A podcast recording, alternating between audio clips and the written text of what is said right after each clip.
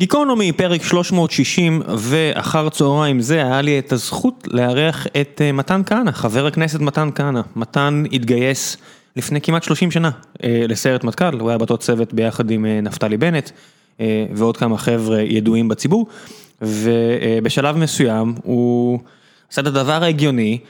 ועבר להיות גם טייס, כי למה לא להיות גם טייס אם היית לוחם בסיירת מטכ"ל, והוא המשיך לקריירה צבאית מפוארת וסיים אותה כמפקד טייסת F-16, ובשנים האחרונות מתן קפץ ראש לתוך הבריכה של החיים הפוליטיים, בריכת החיים הפוליטיים, והיום הוא אחד מחברי הכנסת הבולטים במפלגת ימינה, לצד איילת שקד ונפתלי בנט. והוא הגיע לדבר פה על השאיפות הפוליטיות שלו, שלהם, הנושאים הקרובים לליבו, דיבר בפתיחות לגבי מה הוא יודע, מה הוא לא יודע. תמיד כיף לי לשמוע אנשים אומרים מה הם לא יודעים, כי זה מצביע לי שיש אשכרה סיכוי שהם ידעו את זה בעתיד, כי מי שחושב שהוא יודע והוא לא יודע, בחיים גם לא ידע. אדם מאוד לבבי ונחמד לשיחה, מאוד נהניתי לדבר איתו, כי תמיד כיף לדבר עם אנשים מכל הקשת הפוליטית, ואני מקווה שגם אתם תהנו. ולפני שנגיע לפרק עצמו, בשלב הזה בדרך כלל יש את דבר המפרסם הראשי של הפרק, אבל הפעם אני הולך לגנוב את הדקה וחצי האלו. כדי לספר לכם על Stream Elements, זו החברה שבה אני ודורון שותפים, שניים מארבעת האנשים שמנהלים את החברה, המספר הזה הולך ומשתנה.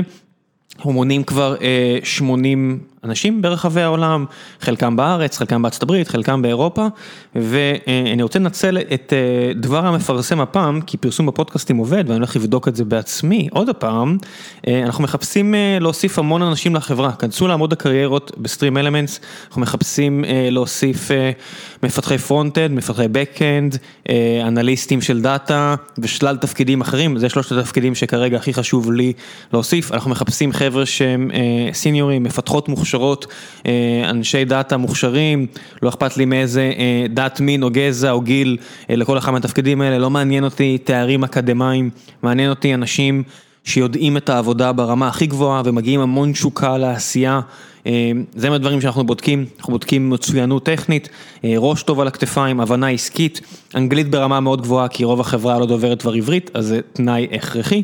כנסו לאתר, על עמוד הקריירות שלנו, אם יש לכם שאלות, שלחו לי, אני אספר לכם בשמחה, אם עדיין אתם לא מכירים את החברה מכל הקשקושים שלי פה, הולך לנו מעולה, אני אהיה כן ואגיד, גידול מאוד מאוד מהיר בהכנסות, בתוצאות העסקיות שלנו.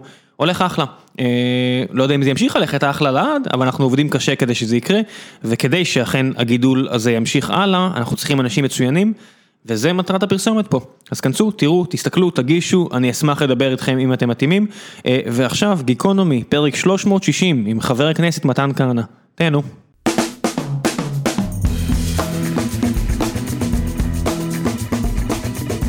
גיקונומי פרק 360 ואחר צהריים נפלא זה יש לי את הזכות לארח את חבר הכנסת מתן כהנא, מתן מה העניינים? הכל בסדר, שלום ראם. שלום רב, איך נראה הימים שלך בתקופת תרופה זו? טירוף, באמת מסתובבים כמה שיותר במדינה, פוגשים אנשים, מבינים את המצוקות שלהם ומנסים לראות איך אפשר לעזור הכי הרבה. מודה שזה די קשה מהפוזיציה של אופוזיציה. כבר שקעת בעולם הזה? באיזה עולם? לא צבא. אה, כן, לגמרי. אני תמיד עם הפנים קדימה, ביום שעזבתי את הצבא התקדמתי הלאה. אני עכשיו כל כולי בתוך הפוליטיקה, בניסיון באמת לעשות כמה שיותר טוב. באמת? זאת אומרת, אתה מבחינתך דף חדש, טבולה ראסה, יצאת ממערכת שהיית בה כל כך הרבה שנים? שוב, תגדיר טבולה ראסה, אתה יודע, את הדברים ש... את הכלים שקיבלתי, את הערכים שרכשתי שם ב-28 שנות שירות צבאי, הכל יהיה איתי, אני מקווה גם שאני ממשיך לייצג נאמנה את הדרך הזו, אבל כן, אני עם הפנים קדימה. מה הכי חסר לך? הטיסה המבצעית. אתה לא עושה בכלל? אני עושה מילואים, אבל אני לא טייס מבצעי בחיל האוויר. ואני חושב שאולי זה המחיר הכי כבד ששילמתי על הכניסה שלי לפוליטיקה. יש בזה גם דבר טוב, כי עכשיו אני כל כולי מסור להביא שלום, כי המחשבה שתהיה מלחמה ואני לא אשתתף בה היא בלתי נתפסת בעיניי. סתם בצחוק, אבל כן, מבחינתי, אחרי כל כך הרבה שנים כטייס קרב מבצעי בחיל האוויר, זה היה חלק ממני, זה היה חלק ממי שאני, ופתאום לא להיות כזה, זה... זה משמעותי. איבדת את הצ'ופר הכי גדול של יוצאי אוויר, אתה יודע, לנו בחברה שדיברנו, שדיברנו עליה לפני שהתחלנו, אז היה שם כל מיני חבר'ה מהחיל, ופעם בשבוע יש להם, אוי לא חברים אני מצטער אבל אני חייב לטוס, ואתה רואה אותם עם חיוך מאוזן לאוזן, מחר אני לא אהיה. המדינה קוראת להם, אין מה לעשות. לא, אבל תדע לך שזה חיים מאוד מאוד תובעניים, אני אומר לך שלהיות מילואימניק, איש צוות אוויר, זה מאוד תובעני, תחשוב שפעם בשבוע אתה עוזב את הכל, הולך לטייסת, בדרך כלל זה גם, זה מאוד תחרותי, מאוד תובעני, לפעמים גומרים את זה בשעות מאוחרות, זה משפיע על היום שלפני ועל היום שאחרי, ואני חושב שזו אוכלוסייה שראויה להמון הערכה. וטוב שהם קיימים. וכן, ויודעים קצת, היה לנו אחד החבר'ה האלה, אז היה איזה בוקר אחד שהוא פשוט יושב לעבודה, והוא יושב לידך במעבדה, ואתה יודע, אתה פותח את הבוקר עם קפה וקצת ynet, ואז אתה שומע, שם איזושהי ציפור שנכנסה למנוע של כלי טייס, והטייס בקור רוח מנחית את זה, למרות הכל, אתה יודע, כזה אומר בקשר, מנוע שתיים למטה, אני אאלץ לנחות, ואנחנו מסתכלים כזה כולם ימינה, עושים, זה אתה, עושה כזה, כן, זה היה לפני כמה שעות, כן, ואתה פה עכשיו. כן. כן, כן, אלה הם חייהם של אנשי הצוות אוויר. שהחסידה ולוקחת ימינה איפה שאתה צריכה לקחת שמאלה. גם לי אישית היה פעם מפגש עם עגור אפור, למזלי זה היה כשעוד הייתי חניך בקורס טייס והיה לי מדריך מאוד מנוסה בתא האחורי והוא הנחית את המטוס בשלום. לקח לך את ההגה? כן, באותה שנייה. זה לא כמו טסט באוטו שאם לוקח לך את ההגה אז נגמר? לא, לא, זה גם היה באחת הטיסות הראשונות שלי כחניך בקורס טייס, אז זה היה מצופה, הכל בסדר, בוא נגיד לא הפרעתי לו. יש לך עדיין את העניין הזה של סוף כל עשייה, אני כבר לא אומר פעילות, אבל סוף כל אימון, סוף כל עשייה אתה מנתח מה הלך טוב, מה הלך לא הכי טוב? לגמרי, לגמרי, זה משהו שאני חושב, אחד הכלים הכי משמעותיים שקיבלתי מהשירות הארוך שלי בחיל האוויר, הנושא הזה של תחקור, תחקור ושיפור. אין פעילות כמעט שאני לא עושה ואני מיד אחריה עוצר את זה שאומר מה היה, איפה טעינו ואיך נתקן, עם פרקטי, עם דברים לביצוע, לא עכשיו תמיד צוחקים בחיל האוויר שיורדים מטיסה ומי שלא יודע לתחקר אז אומר עשיתי ככה וככה ומה אני אעשה פעם באה אני אהיה יותר טוב, זה לא מספיק, לא, פעם באה צריכים משהו פרקטי לביצוע, פעם באה בסוף העירות אני אחדש את האנרגיה שלי ואגע ב-300 קשר. ואם אתה לא עושה את זה, אז נכשלת בדבר הכי חשוב שאתה אמור לעשות בטיסה הבאה. דברים מדידים. ממש דברים מדידים, כולל נניח לדובר שלי, יש יעדים מדידים, כמה מצטרפים חדשים צריכים להיות בטוויטר כל ככה וככה זמן. כן, שמע, אני מודה שעוד, אנחנו מקליטים את זה באמצע יום העבודה, ועוד כשעתיים שכולם יחזרו לארוחות הצהריים והכל, יהיה פה איזושהי פגישה של מנהלי המוצר שלנו, ואחד, והבחור שמוביל את זה אצלנו, נחשב לאחד מהטובים בארץ, ותמיד כשאני מדבר איתו, הוא אחרי שנים בפייסבוק, ועכשיו שם אחד המוצרים שלהם שהגיעו למיליארד משתמשים, ותמיד אנחנו מדברים, הוא אומר, איפה זה בפוליטיקה? איפה לשים מטרות, ומדי פעם צריך להרים את היד, להוריד את הראש ולהגיד פאק שלי, טעיתי, הנה מה אני עושה שונה, כמו שציינת, ואני אומר, גם, אני אומר את זה לשולחן, גם במפלגה שלכם, שיש יוצאי מטכ"ל, מגלן, איילת שיצא לי לעבוד איתה, והמעט שאפשר להגיד עליה זה שהאישה אחראית, אתה, כל מיני חבר'ה טובים, ואפילו אצלכם אין את העניין הזה של להרים את היד, להוריד את הראש, להגיד, טעינו, מה נעשה שונה? לא, למה, למה, אני חושב, תקן אותי. אז אני אתקן אותך, אני ממש זוכר אחרי הבחירות הראשונות, נפתלי בנט אמר, חבר'ה, אני טעיתי, אני שגיתי, אני לוקח אחריות, וכן, ישבנו, בטח אני והוא, וחשבנו איך אפשר לעשות את הדברים אחרת. אצלנו במפלגה ממש לא לא חוששים מלהודות בטעויות, כי רק ככה מתקדמים. דרך אגב, בחיל האוויר יש משפט שאומר, אפס טעויות מפילות משימה. אי אפשר לא לטעות, אבל תשתדל לא לעשות טעויות שמפילות משימה. נניח דרך אגב בבחירות הראשונות, הייתה טעות מפילת משימה. מה אתה מציין כטעות שמפילה משימה? באופן כללי, כל התוצאה הסופית לא עברנו את אחוז החסימה, אז המשימה נכשלה, אתה מבין, זה לא ש... אין לברוח מזה, כן. אי אפשר לברוח מזה, ואני זוכר יום למחרת הבחירות, הגענו בבוקר, נפתלי בנט ואני הגענו למשרדים. הסתכלנו אחד על השני בעיניים ויאללה, כאילו איך מתרוממים מהמקום שהיינו בו. ההבדל היחידי הוא שבקרב אין אופציה ב', אתה יודע, המטוס עשה טעות רצינית נגיד בקרב אוויר, משהו שהוא לא כזה נפוץ, אבל אין, אתה לא תגיע הביתה, בפוליטיקה תמיד יש את התחושה של, טוב, אז אולי, אני רואה עם הרבה פוליטיקאים והרבה יושבים פה, אז טוב, אז נעשה משהו אחר לכמה שנים ונחזור, והאם העובדה שזה לא על... זה לא חיים. כן. למרות שזה כן, פשוט לא שלך, של אנשים אחרים, בסופו של דבר משפיעה איפשהו. זה משפיע, תראה, גם בצבא, בסוף אה, צבא זה מקצוע מסוכן ולוקחים בו סיכונים שלצערנו לפעמים עולים בחיי אדם של אנשים, אה, באמת אה, שיוצאים לקרב לא תמיד חוזרים, לא כולם חוזרים, אבל בסדר, תשמע, גם בפוליטיקה מקבלים החלטות, אני חושב שאני אומר לך מההיכרות שלי עם נפתלי, אני רואה מישהו שהוא תמיד מסתכל על המציאות בעיניים, מקבל החלטות וגם יודע לשנות אותם אם צריך. נוח לך איתו? מאוד, אנחנו מכירים כבר 30 אה, שנה, אה, היינו ביחד באותו צוות בסיירת מטכ"ל, באמת היכרות אה, רבת שנים. זה מותר להגיד? שמה? לא יודע, כשאני הייתי בסירקין זה קו חמש, שבע, שש, כל ה... אמרתי לעצמי, עד מתי הילדותיות הזו בעידן של אינטרנט והכל, המשחקים בקקה, ב... כן, אני מבין מה אתה אומר, זה היום פחות שמור מאשר פעם, עדיין לא. לא, מה שצריך לשמור שומרים, לא, אבל לא, לא, כן. לא הדברים האלו. כן, כן, אני מודה שהייתי בסיירת מטכ"ל. יופי, כל הכבוד, אני שמח שהוצאנו את זה מעל השולחן. אז היינו ביחד באותו צוות, אנחנו מכירים כבר הרבה שנים, ובאמת, בסוף אותן תכונות שאני זוכר מאז, הן נמצאות אצלו היום, את ה... להיות מוביל, להיות, אה, לקבל אחריות, אה, אומץ לב, אה, גם צבאי, גם אזרחי, באמת הוא חכם בצורה יוצאת דופן. בקיצור. זה שהבן אדם קרוב אליך יותר אולי ממישהו שרק עכשיו פגשת והצטרפת לתנועה, למפלגה. למשימה הזו. נותנת לך יותר אפשרות או פחות אפשרות להגיד לו כשצריך, תקשיב, אתה נכנס לרחוב ולא מוצא, תעשה, תעשה פה רוורס. לא, הרבה יותר אפשרות. יותר? כן, ראשית אני אומר לך באמת שעם אה, אה, נפתלי אפשר תמיד להגיד לו את האמת אה, בפרצוף. עכשיו, אני לא יודע אם, יש, אם אולי יש אנשים שקצת חוששים וכולי, אבל דווקא בגלל החברות הקרובה מאוד בינינו, אני מרגיש מאוד מאוד נוח להגיד לו, פה טעית, את זה היה עדיף לעשות אחרת, מה אתה אומר, אולי הכיוון שאתה חושב ללכת אליו הוא שגוי, לחלוטין. מה המשימה כרגע שאתם רואים מול, מול העיניים? אני יכול להגיד לך מה המשימה שלי. בסדר? המשימה שלי זה שנפתלי בנט יהיה ראש ממשלה, ראש ממשלת ישראל הבא. הכי פשוט שיכול להיות בעולם. איך זה עומד? אה, זאת אומרת, אני מבין מהצד, וגם גם רשמתי את זה, mm-hmm. שבפעם הראשונה אתם מתנהגים כאילו זו המשימה. אם יורשה לי, mm-hmm.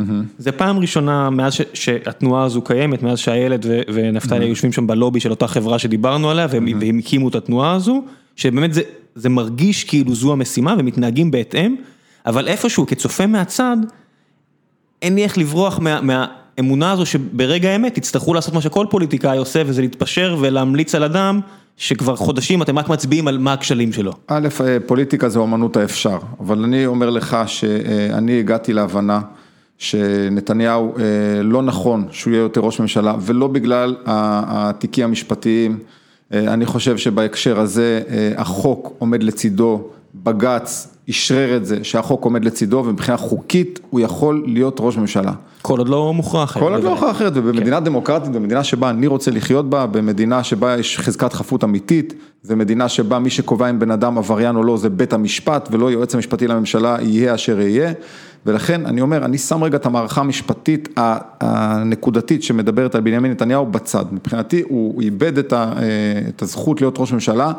בגלל הכישלון הקולוסיאלי שלו בהובלת הממשלה הזו, בגלל איך שהוא מוביל את הקורונה, בגלל שהוא מקבל החלטות ממניעים לא נקיים ולא ענייניים, ולכן אני חושב שצריכים להחליף אותו, והבן אדם היחיד שנמצא היום בסביבה, שבאמת מביא איזושהי תוכנית סדורה, רצינית, שהוכיח יכולת ביצוע, הבן אדם הזה זה נפתלי בנט. אז יש פה כל מיני דברים שאני רוצה לפרק ולגעת בהם, אבל לפני שנמשיך, וגם דברים שקשורים מעבר לקורונה, זאת אומרת, הרעיון הזה שאמרת, אני מאמין בו, זאת אומרת אני מאמין שבנימין נתניהו צריך לפנות את מקומו משלל סיבות שאף אחד לא מדבר עליהן ונגיע לזה ונדבר על זה, אבל הייתי רוצה בכל זאת, אתה אמרת שכל עוד החוק מתיר, שיישאר, ואני אומר, אין לי בעיה עם זה, אבל אני אומר לאבא, האם היית רוצה לראות חוק במדינת ישראל שפותר את הבעיה הזו, אה, שבה ראש ממשלה נמצא בתסבוכת משפטית לא נגמרת, כי לשפוט ראש ממשלה זה משהו ארוך, זה לא משהו שנגמר מהר. התשובה היא ממש כן, ממש כן, ואני חושב, אני רוצה אבל להקדים, כדי שיהיה פה ברור, זה לא יכול להיות רטרואקטיבי, זה לא,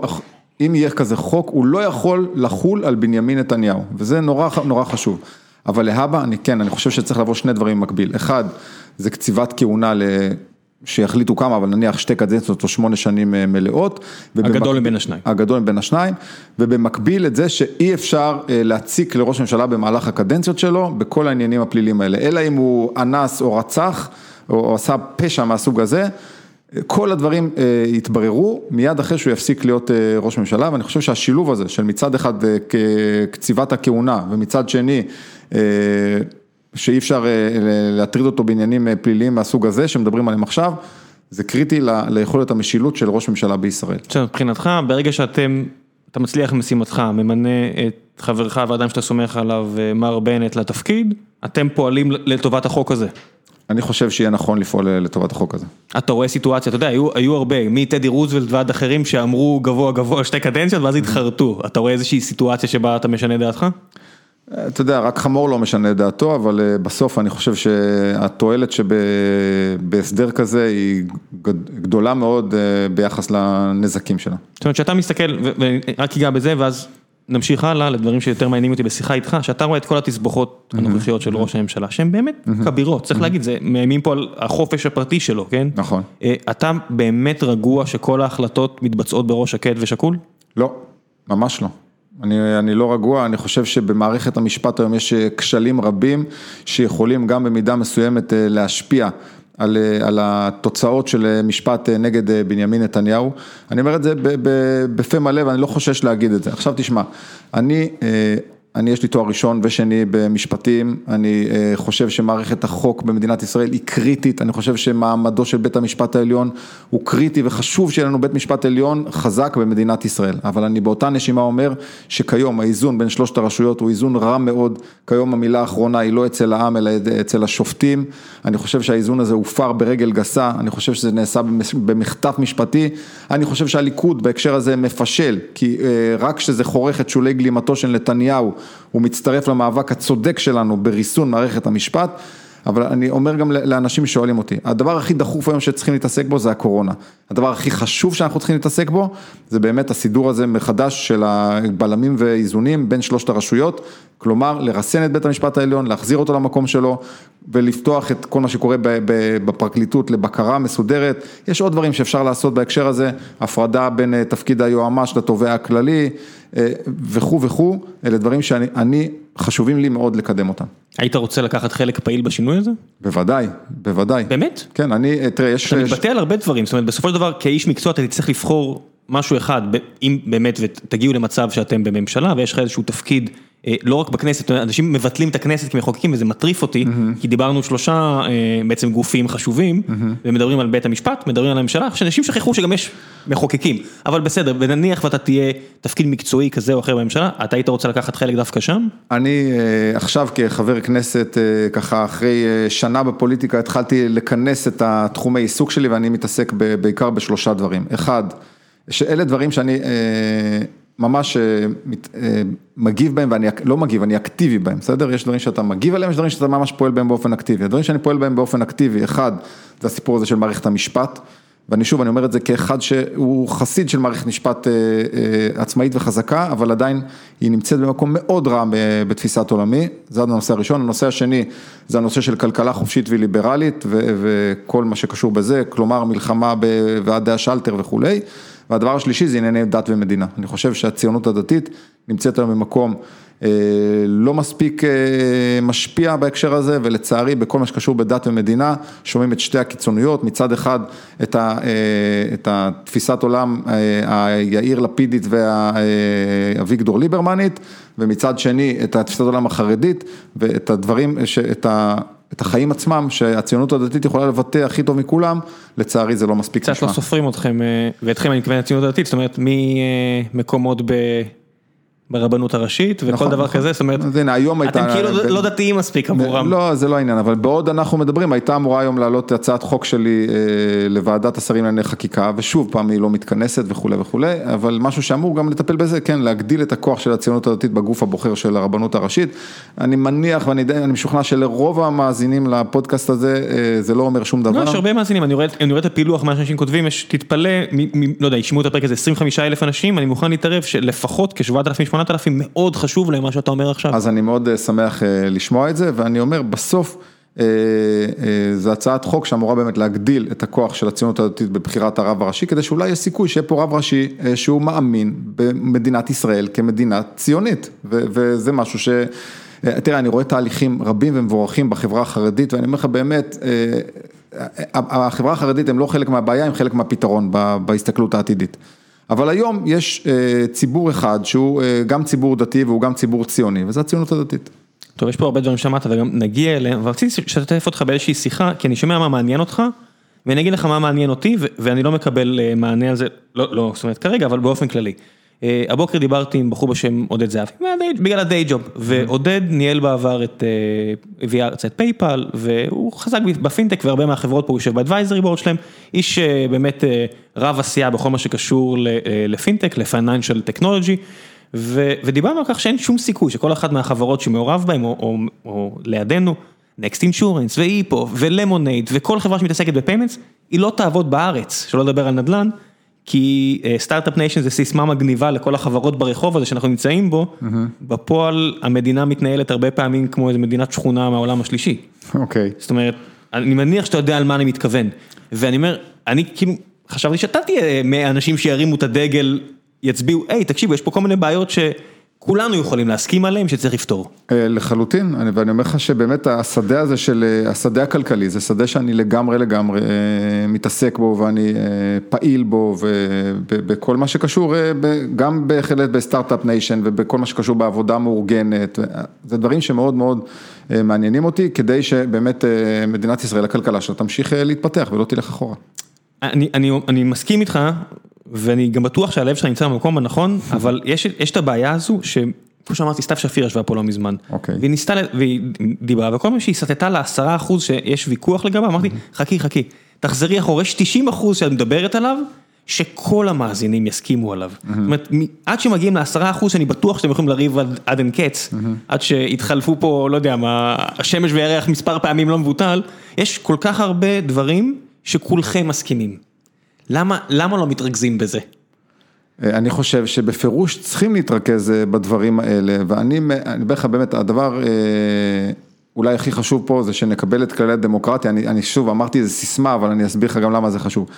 כי כל עוד אנחנו נתווכח בצורה עניינית, ו, ולא אישית, ונבין שכולם מחפשים לעשות טוב, ונבין ונקבל עלינו את החוקים האלה של הדמוקרטיה שבסוף הולכים לקלפי ומה שקורה שם זה מה שקובע. אז אחר כך באמת מי שנבחר יוכל לקדם את הדברים שהרוב הרוב מסכימים עליהם. וזה מה שאני רוצה שיקרה פה, כשאני מתווכח עם סתיו שפיר לצורך העניין. גם יפה, ידעת גם לבקש סליחה יפה, אז שירדת לפסים אישיים, ראיתי. האמת, אני רוצה רק להגיד פה ש... גם מה שכתבתי, לא היה פה איזה דרמה, כאילו לא...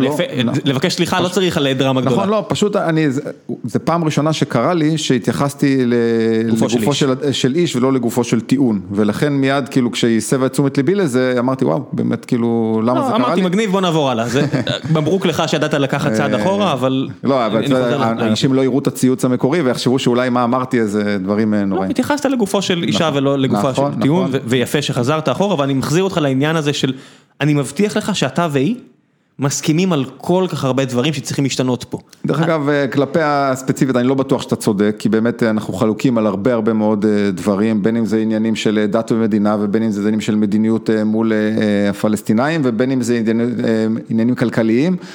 אבל אני אומר, בסוף אני משוכנע שהיא מחפשת לעשות טוב, ואם היא תצליח לשכנע את הציבור שמה שהיא רוצה לעשות זה מה שנכון לעשות, והיא עכשיו תהיה הממשלה הבאה, אז אני אקבל את דין הבוחר ויעשה בארבע שנים הכי טוב שאני יודע כדי לשכנע שפעם הבאה יצביעו אחרת, אבל יאללה, כאילו צריכים לעשות, לעשות. עכשיו, באמת, יש הרבה דברים שאני מניח שמסכימים גם מהקצוות של הקשת הפוליטית, וזה דברים שצריכים לקדם אותם, אני בטוח שכשנפתלי בנט יהיה ראש ממשלה, יהיה פה הרבה דברים מוסכמים שיקודמו. יש הרבה דברים שאתה מזהה אותם כבר עכשיו, שגם אם יש לכם את ה... את השלטון הנחשף הזה, אתם עדיין תקועים איתם, זאת אומרת, אני יודע שכל מה שקשור לפנסיות תקציביות, כאב לך בעין כשראית את המספרים, וזה מסוג הדברים שאתה, גם אם אתה רוצה לפתור אותם, ואני מאמין לך שאתה רוצה לפתור אותם, באמת, אני לא, לא מאמין, פשוט אומר, הבעיה היא כל כך סבוכה, זאת אומרת, אנשים יוצאו לפנסיה בגיל, נגיד 50, אתה בן 48, הבטיחו לך איקס, אתה בנית על זה משהו, זאת אומרת, יש פה עניין של אמונה בין מדינה לבין אדם שעשה לא מעט עבורה, ופתאום מגיעים אנשים ואומרים, קחו לו את מה שהבטיחו לו. אז בהקשר הזה באמת יש... זה בעיה אמיתית. נכון, יש בעיה אמיתית, אבל אתה יודע, אז אתה לא יכול לקחת, אבל עניינים של מיסוי למשל, זה מיסוי כן אפשר לעשות אחרת, לשנות מיסוי גם על דברים שחשבת ש... מיסוי בטח, תמיד אפשר. אז בסדר, אז אפשר למסות, עכשיו תשמע, אני לא אומר בואו נלך רק לאלה של הפנסיות התקציביות, אני אומר, יש, זה רחב יותר, זה לכל הפנסיות הגבוהות, בסדר? וברגע שאתה ממסה, אתה, אתה לא אומר, אני עכשיו פונה רק לאנשי הקבע שכך וכך, לא, אבל אם אתה עושה את זה מאוד רחב. אז כן, עכשיו צריכים לזכור שאנחנו עכשיו בתקופה מאוד מאוד מיוחדת, עם, עם משבר כלכלי שאנחנו רק בתחילת הדרך שלו, וצריכים מקורות. צריכים מקורות. כן, להדפיס כסף זה נחמד, אבל זה לא עובד תמיד. להדפיס כסף זה נורא ואיום, ובסוף המגזר הפרטי קורס תחת הנטל הזה, אנשים העסקים שלהם קורסים, מאבדים את כל החסכונות שלהם, הם לא יודעים איפה הם יביאו אוכל הביתה, ובמגזר הציבורי עכשיו שוב, אתה יודע מה, בהקשר הזה, אני, צריכים לחזק את שר האוצר כץ ולהגיד לו כן, תמשיך עם המהלכים האלה שאתה עושה, אתה יודע, אני לא נכנס לניואנסים פה ושם, אבל אם עכשיו האמירה היא כן, מי שמרוויח במגזר הציבורי מרוויח משכורות גבוהות, אפשר לפנות אליו ולתקופה קצובה שהשכר שלו ייפגע קצת וגם אם זה הפנסיות המאוד גבוהות, אני מזכיר, כן, אפילו גם אני, אתה יודע. זה גם אתה, גם אתה, כן, נכון, ברור, כן. מה... לגמרי, לגמרי, גם אני, אני מזכיר לך שברמה האישית, אני גם ויתרתי על התוספת שכר של השנה הקודמת, ואני גם התחייבתי ואני עושה את זה, אני תורם 20% מהשכר שלי בכנסת כל חודש. אבל בפירוש, מי שיש לו שכר גבוה במגזר הציבורי צריך להיכנס תחת האלונקה. דרך אגב, מישהו כתב לי משהו יפה, הוא אמר לי, זה לא שהם צריכים להיכנס תחת האלונקה, הם צריכים לרדת מהאלונקה. ויש פה איזו אמירה מעניינת, כי בסוף צריכים לזכור, אתה יודע, בנימין נתניהו נתן את המשל הזה של האיש הקטן, האיש הגדול שיושב על הכתפיים של האיש הקטן, וצריכים לראות רגע שהאיש הגדול הזה הוא קצת פחות גדול, ומחזקים את האיש הקטן. מאיפה הגיעו התפיסות הימין כלכליות שלך? זה משהו שאתה יודע, היית קורא אייק בין טיסה לטיסה, כאילו מה... האמת ש... כי זה נראה כאילו נכנסת ב-180 קמ"ש לפוזיציה הזו. באופן כללי, התפיסה הזאת של הימין הכלכלי היא תפיסה שהיא יותר רחבה, כי זה לא רק ימין כלכלי, זה באופן כללי אני, אני אדם שימין שמרני. בסדר, עכשיו מה שהיה מעניין זה שחייתי בדרך מסוימת כל השנים, לא הייתי אדם פוליטי, ממש הייתי רחוק מזה, חייל. נכון, הייתי חייל, אבל הייתה לי דרך תפיסת עולם ודרך חיים, וכשעמדתי להשתחרר, הקטע המצחיק זה שרציתי לשפר את האנגלית שלי. אז איכשהו במקרה הגעתי לפודקאסטים של פריגר יוניברסיטי, של דניס פריגר, אם אתה יודע מי זה. וזה סרטונים כאלה של חמש דקות, שהם כולם על תפיסות עולם שמרניות במגוון נושאים, ופשוט אמרתי, וואו, הנה אני סוף סוף מבין למה אני חושב מה שאני חושב, זה, זה, זה נתן לי את העומק האקדמי לצורך העניין, זה לא כזה עמוק אקדמי את הסרטונים האלה, אבל זה נתן לי איזשהו הסברים לתפיסת עולם יותר רחבה. ושם, כן, התחלתי להעמיק בדברים האלה. קפצת לבריכה של כל הבן שפירואים של העולם והאקדמאים מסביב. והאמת היא שגם באורך, לא ניסי, אבל בצירוף מקרים גם הגעתי לפורום קהלת, ממש בצירוף מקרים, ואמרתי לעצמי, הנה האנשים שיודעים להסביר לי את כל מה שאני מאמין בו. ובאמת היום אני חושב שאני עובד בשיתוף פעולה מאוד מאוד הדוק עם פורום קהלת, הם עוזרים לי מאוד, בין אם באופן יזום ובין אם יש איזה דיון בוועדת הכלכלה, אז אני אומר להם מחר הדיון בנושא זה וזה, הם יודעים לעזור לי, באופן כללי הוועדות צריכים ללמוד איך להתנהל בוועדות של הכנסת, אבל זו תפיסת העולם שאני... יש לך איזשהו מישהו ש... או קבוצה של אנשים שממש המצפן האידיאולוגי שלך, שאתה אומר, אתה אומר, אני לא יודע מה דעתי פה, אני רוצה קצת לחשוב איתכם על זה, איך זאת אומרת, כי כחבר כנסת אתה נדרש להביע את דעתך על כל כך הרבה נושאים, שאומר, אם זה הייתי אני, ב-90 אחוז הייתי אומר, אני לא יודע מה דעתי. אז ראשית, אני אומר, ברגע שיש לך תפיסת עולם מגובשת, אתה גם, אתה מפעיל את הכלים שיש לך על כל סוגיה שעולה, אתה מחפש תבניות, כן. אתה מפעיל את הכלים שיש לך על סוגיה שעולה, ואתה כבר יודע לאן זה הולך, אבל בגדול, דרך אגב, עירית לינור, מכיר? שמעתי את השם. שמעת? אז אני אומר לעצמי, רגע, אני צריך לשאול את עירית לינור מה אני חושב על זה, אבל לא, עכשיו בצורה רגע, א', זה היה רציני, כי אני באמת מאוד מאוד, אני לא צחקתי לרגע, זה נשמע לי כן, אני מאוד מאוד מחזיק מהעמדה של האישה הזו, אבל גם אני, איפה שיש לי איזה דילמות, אז אני פונה לאנשים ומתייעץ איתם, אני חושב שבאמת האנשים שיש בפורום קהלת, זה אנשים מאוד מאוד רציניים, ואני מאוד נהנה להישען על התפיסות עולם שלהם. והם יודעים גם לחבר לי בין התפיסת עולם לסוגיה הפרקטית שעומדת על הפרק. כבר קרה שהמציאות, או כפי שאתה רוצה לעצב את המציאות, התנגשו עם התפיסות האלה, זאת אומרת, אני יודע שעושים לך, גם אני, אין לי בעיה, אני, אני אגיד, יכול להיות שאפילו אמרתי משהו, לא זוכר, אבל נראה לי הגיוני שיגיד, ציירת עצמך בתור אה, מישהו שהוא מאוד ליברל, אבל אה, שימוש בקנאביס לא בא לך טוב, ואתה אומר נגד, זאת אומרת, אני יודע שזה בטח נושא חרוש ולא לא, בא, זה לא חרוש, אפשר אבל אני לדבר פשוט על אומר, זה. יש הרבה נושאים כן. שבאופן כללי, שברגע שאתה מצהיר לעצמך כאלף, וזה תלם מאוד ספציפי, פתאום יש דברים אחרים שמתנגשים בזה, ואפשר למצוא בטח עשר דוגמאות כאלה בלי להתאמץ. זו שאלה טובה, אבל לכן אני הרבה פעמים ששואלים אותי, אומרים לי, "אה, איך אתה אומר כזה, אתה ליברל, אני אומר, לא, אני לא ליברל, אני סובלן. אני הרבה יותר מעדיף את המינוח אה, סובלן מאשר אה, ליברל, וגם אם אני לא אחשוב כמוך, אני, אני, אה, אני אקבל את זה שאתה אה, חושב אחרת. אה, וזה במגוון נושאים. עכשיו אני אומר, גם כאדם שהוא אה, ציונות דתית, אה, זה, זה מראש אה, דרך חיים, שהיא דרך חיים שיש בה סתירות לא מעטות, בסדר? כי אני... יהודית ודמוקרטית, בוא נתחיל בזה, כן, זה זה- מתחיל זה- עם קושי, כן? ממש יהודית ודמוקרטית. עכשיו תשמע, אני מצד אחד מאמין לגמרי, לגמרי בזה שמשה אמת ותורתו אמת ואת התורה קיבלנו מהקדוש ברוך הוא והיא תורה אלוהית. אדם מאמין. אדם מאמין מאלף עד תף, בסדר? מצד שני, אני אדם שנטוע היטב, אה, עמוק עמוק, בתרבות, בחי... בדרך חיים מערבית, בסדר? אני... למדת משפטים ולא משפט של אה, סנהדרין, למדת נכון, משפטים של... בסדר, אה, לא, כן. אבל- גם זה יותר מזה, אני אני צורך תרבות מערבית, אני רואה סרטים, אני הולך לקולנוע, אני נמצא בהופעות, גם של זמרות, אה, אה, אה, הכל, אני אני קורא ספרות אה, מערבית. אז אני אומר, החיים שלי נטועים מצד אחד בתורה ומצד אחד בתרבות המערב, וזה לא תמיד הולך ביחד, למשל, אה, יש לי אמפתיה אה, אדירה לאנשים מקהילת הלהט"ב, אה, ומצד שני, אני אדם מאמין, אני יודע שהתורה מתייחסת אליהם אחרת. איסור, מה זה, אין מה לברוח מזה. נכון, אין, כן. מה, אין מה לברוח מזה, עכשיו- ועכשיו החוכמה של אנשים כמונו, כמוני, זה, זה לחיות את הסתירות האלה ולאזן ביניהם, וכן, זה, זה מורכב. אה, ולכן הרבה פעמים שמטיחים בי, "אה, אתה ליברל, אז אני אומר, כן, אני, לא, אני אומר, לא, אני סובלן. בסדר, עכשיו סתם לגבי הקנאביס, אני מכיר את ה... בקצרה, אני אומר לך ש...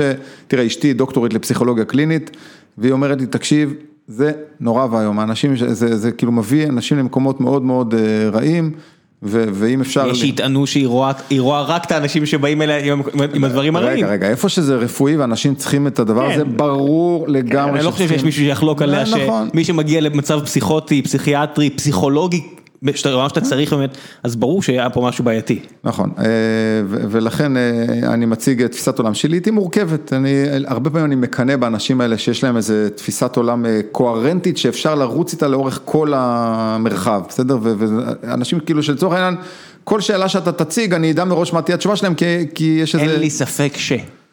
לא, גם, גם, אתה אתה מבין, כאילו הכל נורא ברור, אז, אה, אבל אה, כן, תפיסת עולם של הציונות הדתית, של אנשים כמוני, היא יותר מורכבת, והיא, והיא בנויה מסתירות, והיא בנויה מזה שמצד אחד אני אה, ממש אה, הומניסט ותומך בזכויות הפרט, אבל מצד שני, אני רוצה גם לצקת איזה שהם תכנים משמעותיים למילה, למונה, זה שמדינת ישראל היא מדינה יהודית, וזה לא תמיד הולך ביחד, והחוכמה היא איזונים. תשמע, אני, אני מניח, אה, ואנחנו כולם משוחחים חצי שעה, אני קצת קראתי אותך.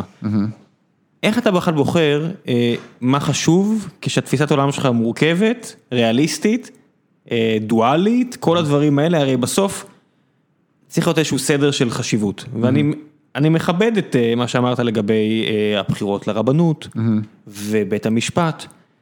אתה, אתה משוכנע שאלה הדברים הכי חשובים כשאתה רואה סביבך? תראה, בסוף, אה, כן, אתה יודע מה התשובה היא כן. אה, אני חושב היום שהסיפור הזה של אה, האיזונים בין הרשויות, זה אולי הדבר הכי משפיע על, על, על איך מדינת ישראל נראית. אה, ואני חושב שיש מאבק אה, משמעותי בין אה, כוחות בחברה הישראלית, לאן הדבר הזה לוקח. אה, ואני חושב שהיום ה- האיזון הוא הופר, והיום האיזון הוא, זה נמצא בידיים של אה, כך וכך שופטי בית משפט העליון ולא בידיים של העם. תתאר לי את הידיעה. זאת אומרת, ישב פה מני מאוטנר, פרופסור מני מאוטנר, שאי אפשר להאשים אותו שהוא אה, במחנה שלך מהרבה בחינות, אוקיי. ו- ועדיין אה, מחשבתו וליבו רחוקים מאהרון ברק. זאת אומרת, כל מי שמכיר אותו יודע שעם כמה שהוא בצד השמאלי של מהרבה בחינות במפה הפוליטית, הוא יותר דומה לך משפטית. כן. אז כמו שאתגרתי אותו, אני מבקש לאתגר גם אותך, תתאר לי את האידאה. אני חושב שהאידאה היא שבסופו של דבר, אה, הריבון הוא העם, בסדר, הריבון הוא עם, כי את, ה, את הכנסת ואת הממשלה אפשר להחליף כל ארבע שנים.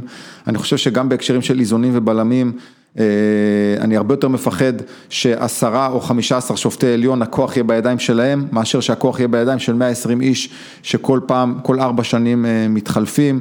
אתה יודע, כל הזמן אומרים, ומה יקרה אם עכשיו הכנסת תחליט שצריכים, אה, שכל הג'ינג'ים אה, צריכים להכניס אותם לבית סוהר, אז נו באמת, גם לפני המהפכה השיפוטית של אהרן ברק לא הכניסו את כל הג'ינג'ים אה, לבית סוהר, והרבה יותר מסוכן שחמישה עשר אנשים שבוחרים את עצמם ואף פעם לא מתחלפים ואין עליהם ביקורת, הם אלה שיקבעו מה יהיה, מאשר שמאה עשרים אנשים שמתחלפים ועומדים למשפט הציבור כל ארבע שנים.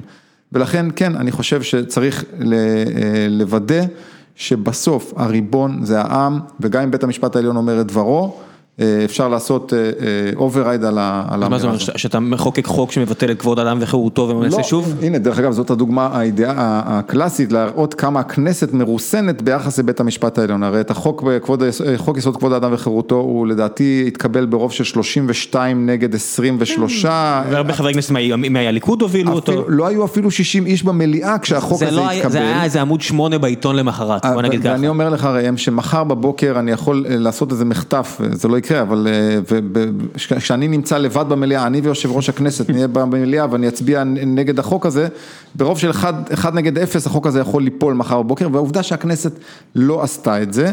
אה, ומצד שני אנחנו רואים כמה בית המשפט העליון אה, פוסל ופוסל חוקים בלי שאף אחד התכוון לתת להם את הכלי הזה של היכולת לפסול חוקים, הרי זה לא, לא נפתח פה עכשיו קורס במשפט חוקתי, אבל אין חולק על זה אה, שאהרון ברק ניכס לעצמו את נשק יום הדין הזה, לצערי את נשק יום הדין במקום להשתמש בו כאיזה איום מרומז שנמצא בחלל האוויר, הם הפכו לאיזשהו, כמו אקדוחנים במערבון, שולפים את הנשק הזה של ביטול חקיקה של, של הכנסת.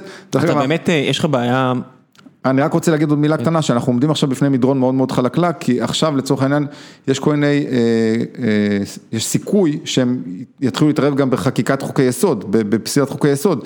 עכשיו, אני כש... מדבר על תקציב המדינה מן הסתם. אני אדבר גם על תקציב המדינה ואני אדבר גם על כל החוקים של הממשלה הפריטטית הזו שהתקבלו בצורה ביזיונית, ואני אומר לך שהייתי בוועדת הכנסת שהחוקים, ואמרתי להם, חברים, תקשיבו, האופן שבו החוקים האלה מתקבלים פה היא נוראית, ואתם פותחים פתח לבית המשפט העליון להתערב בחקיקת חוקי יסוד, וזה יהיה, יהיה נורא ואיום אם בית המשפט העליון יעז אה, לפסול אה, חוקי יסוד, צריכים מאוד להיזהר מזה. אז רציתי לשאול, ומצטער שקטעתי אותך לפני כן, אה, היו סיטואציות, זאת אומרת, אני מסתכל על, זה לא אין סוף חוקים, זה כמות סופית שאפשר להסתכל על החוקים שבית המשפט העליון התערב, אתה נגד כולם? או שזה רק באופן עקרוני, זאת אומרת, אני מסתכל נגיד, לא יודע מה, אליס מילר וכל מיני פסיקות כאלה שבית המשפט העליון... אליס מילר, בית המשפט העליון לא, לא פסל חוק. הוא לא, אבל הוא התערב. לא, בסדר, אה, אתה יודע, איפה, איפה שבית המשפט העליון מתקן עוולה ספציפית של בן אדם ספציפי שנפגע מעוולה, אני... זאת אומרת, זה תפקידו, אני, זה בסדר. תפקידו, כן, זה תפקידו, אבל אה, מפה וסתם עד אה, אה, פתיחת... אה, שכל אחד יכול לבוא ולהגיש אה, בג"צים, זכות העמידה, זה שזכות העמידה היא מאוד אה, רחבה, אנשים שבכלל לא נפגעו מעוולה באים ומגישים בג"צים. לבוא בשם מישהו אחר אפילו. או לבוא בשם מישהו אחר, וכל העילת הסבירות ומידתיות שאהרן ברק הוא פיתח אותם למשהו שלא מקובל באף מקום אחר בעולם, בעצם עכשיו הוא גם מתערב לא רק בפסילת חוקיקה של, של הכנסת, הוא גם על ידי העילות האלה של סבירות ומידתיות, הוא גם פוגע בעבודת הממשלה. יש, באמת, אנחנו יכולים פה לעשות אה, קורס שלם במשפט חוקתי ולהראות איך היום, זה, זה, הדברים האלה שאהרן ברק עשה משפיעים על היועצים המשפטיים שבפועל הם היום שולטים במשרדים, והרי השרים לא ממנים את היועצים המשפטיים שלהם, אז בפועל מערכת המשפט היא זאת שמושלת במדינה וזה גוף שיש לו סמכות ואין לו אחריות, וכשהם פסקו ש, אה, על כל נושא ההגירה. בסדר? אז עכשיו, הם לא אחראים למה שקורה בדרום תל אביב, מי שקורה, מי שאחראי למה שקורה בדרום תל אביב זה השר לביטחון פנים, אבל אם השר לביטחון פנים מחוקק, רוצה לחוקק חוקים יחד עם שר הפנים שקשורים בהגירה, ובית המשפט העליון אחר כך פוסל אותם, אז, אז הוא לא יכול, אה, אתה מבין, מה הוא יעשה? אז רגע, לפני שנמשיך הלאה, אז רק רציתי אה, ליישב, כי פתאום קפצה לי אה, ההבנה שנגיד במקרה כמו של אליס מילר, רציתי לשאול על דעתך האישית, אתה היית מפקד טייסת, זאת אומרת, אתה האדם, זאת אומרת, אני רואה אנשים מתווכחים על שילוב של אה, לוחמות בצוותי אוויר ובכל מיני מקומות אחרים, אתה יודע כנראה פי כמה יותר טוב מרוב האנשים האחרים אה, שמתווכחים על הנושא הזה, אתה בסדר עם זה? אתה מתפרץ פה לדלת פתוחה, כי אני חושב שהיום אני אחד מהראשי החץ בדיון הזה של נשים כלוחמות. ואני אומר שהקריטריון היחיד צריך להיות קריטריון ענייני של מה טוב לצה"ל ומה לא טוב לצה"ל. בסוף התפקיד של צה"ל זה לנצח. התפקיד, אין תפקידו של צה"ל להוביל את ערכי השוויון המגדרי. אנחנו, חשוב לנו שצה"ל יהיה הכי חזק שאפשר. עכשיו אני אומר לך בצורה הכי... חדה ונחרצת שאפשר להגיד את זה. נשים לוחמות צוות אוויר משפרות את איכותו של חיל האוויר. בסוף על מגרש המסדרים עומדים כ-35 מסיימי קורס טיס וזה קריטי למדינת ישראל שה-35 האלה יהיו ה-35 הכי טובים שמדינת ישראל יודעת להעמיד. ואם עכשיו יש 3, 4, 6, 12 נשים שהן עומדות על המגרש הזה, זה אומר שהן הכי מתאימות ולכן הן משפרות את רמתו של חיל האוויר, קריטי שהן יהיו שם.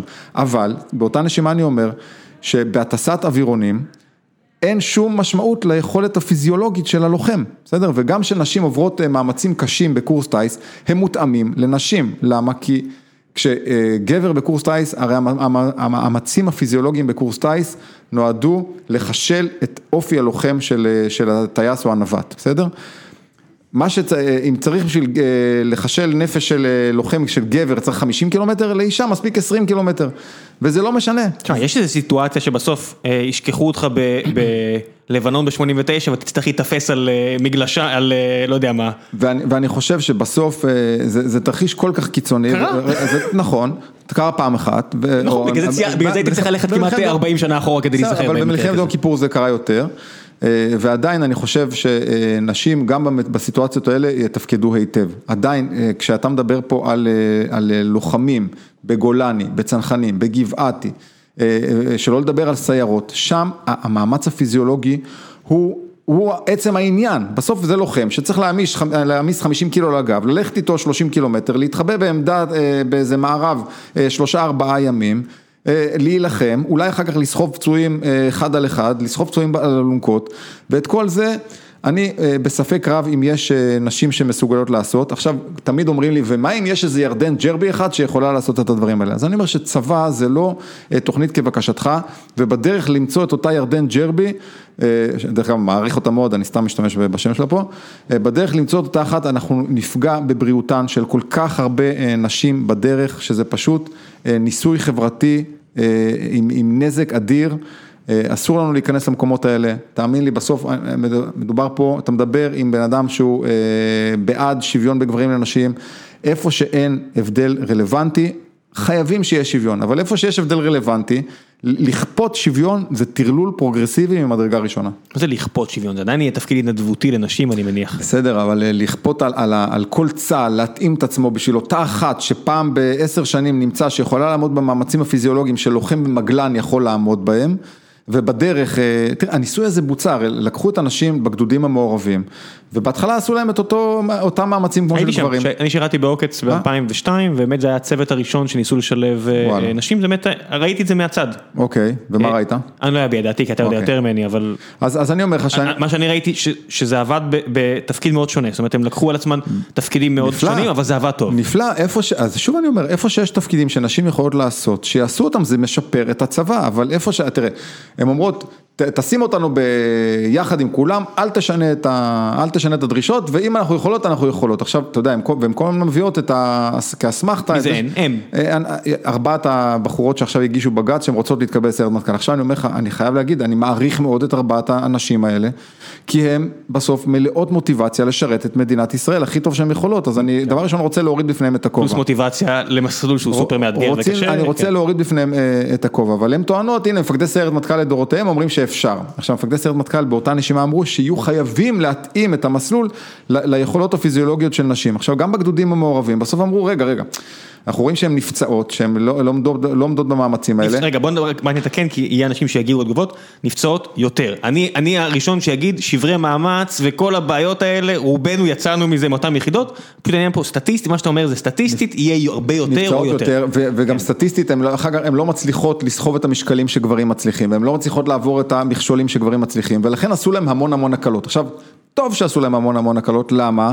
כי מסתבר שבגדודים המעורבים האלה, הדרישה המבצעית היא לא, אתה לא, סתם למשל, אתה לא צריך תשע מחסניות באפוד שלך, מספיק לך ארבע מחסניות, אתה לא צריך לעבור קיר של מטר עשרים, אתה יכול לעבור קיר של שבעים, אני לא, סתם זרקתי מספרים עכשיו.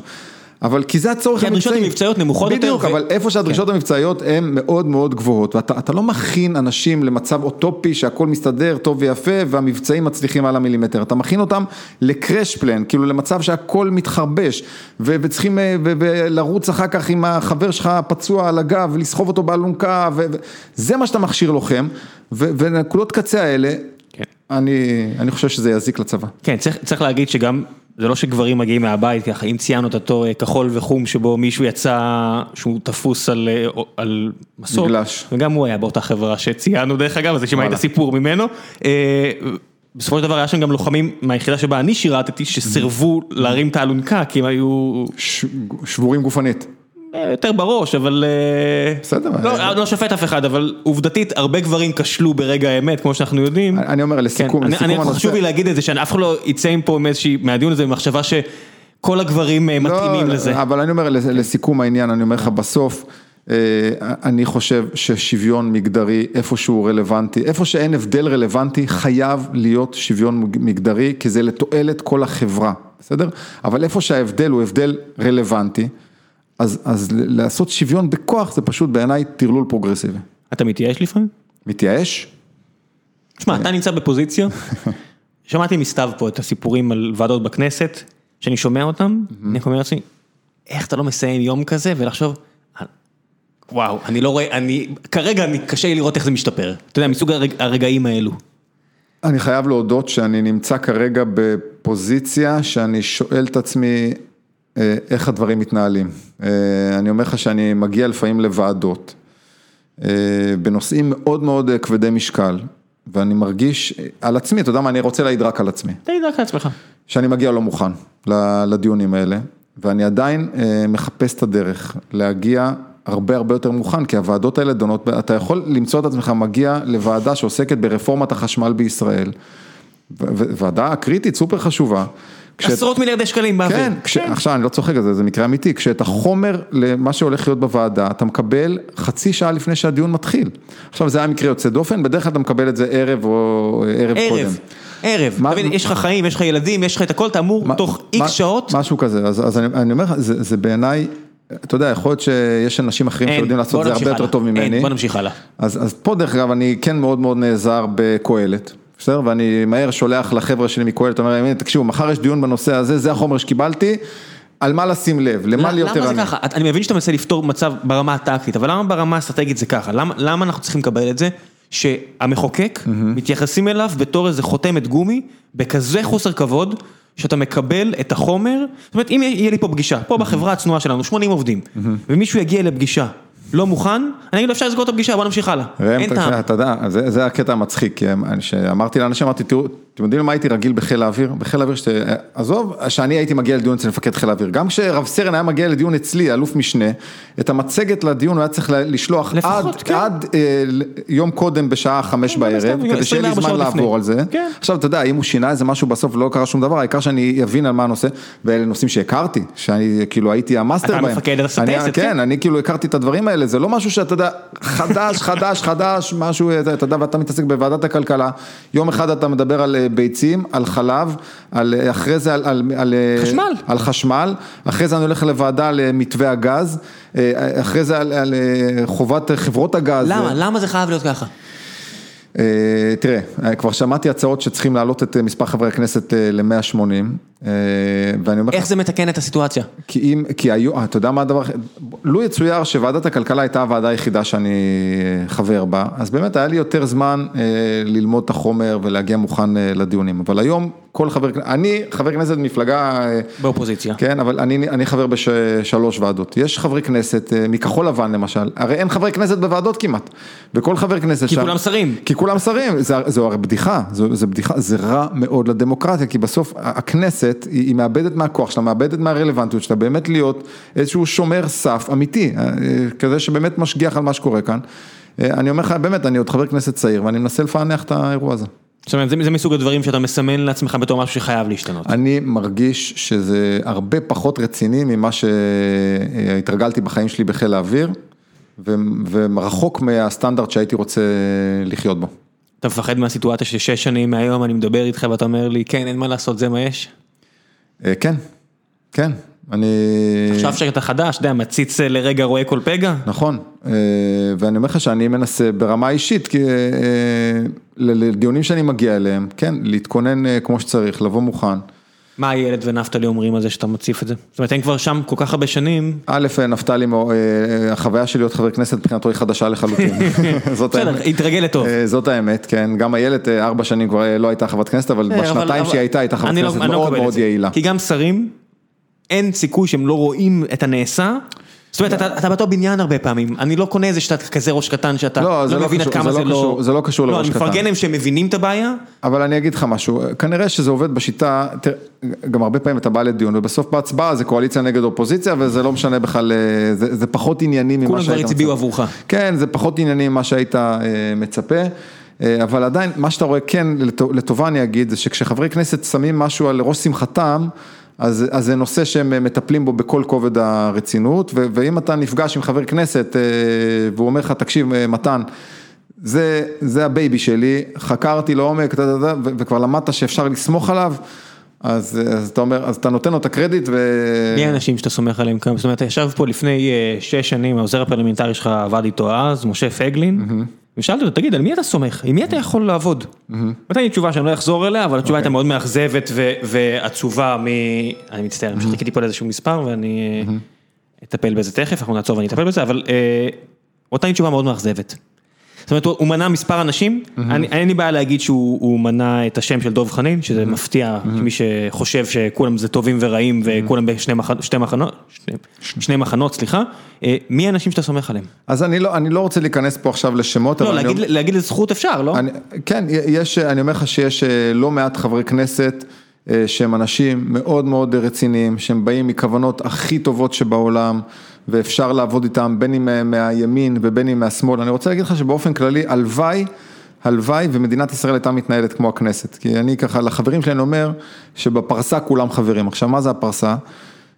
יש את המליאה והיא מוקפת במין כזה מסדרון שמקיף אותה, שבקצה אחורה יש איזה בית, בית קפה כזה שחברי כנסת יכולים לשתות משהו בין הדיונים, ובפרסה הזאת לא נכנסים עיתונאים.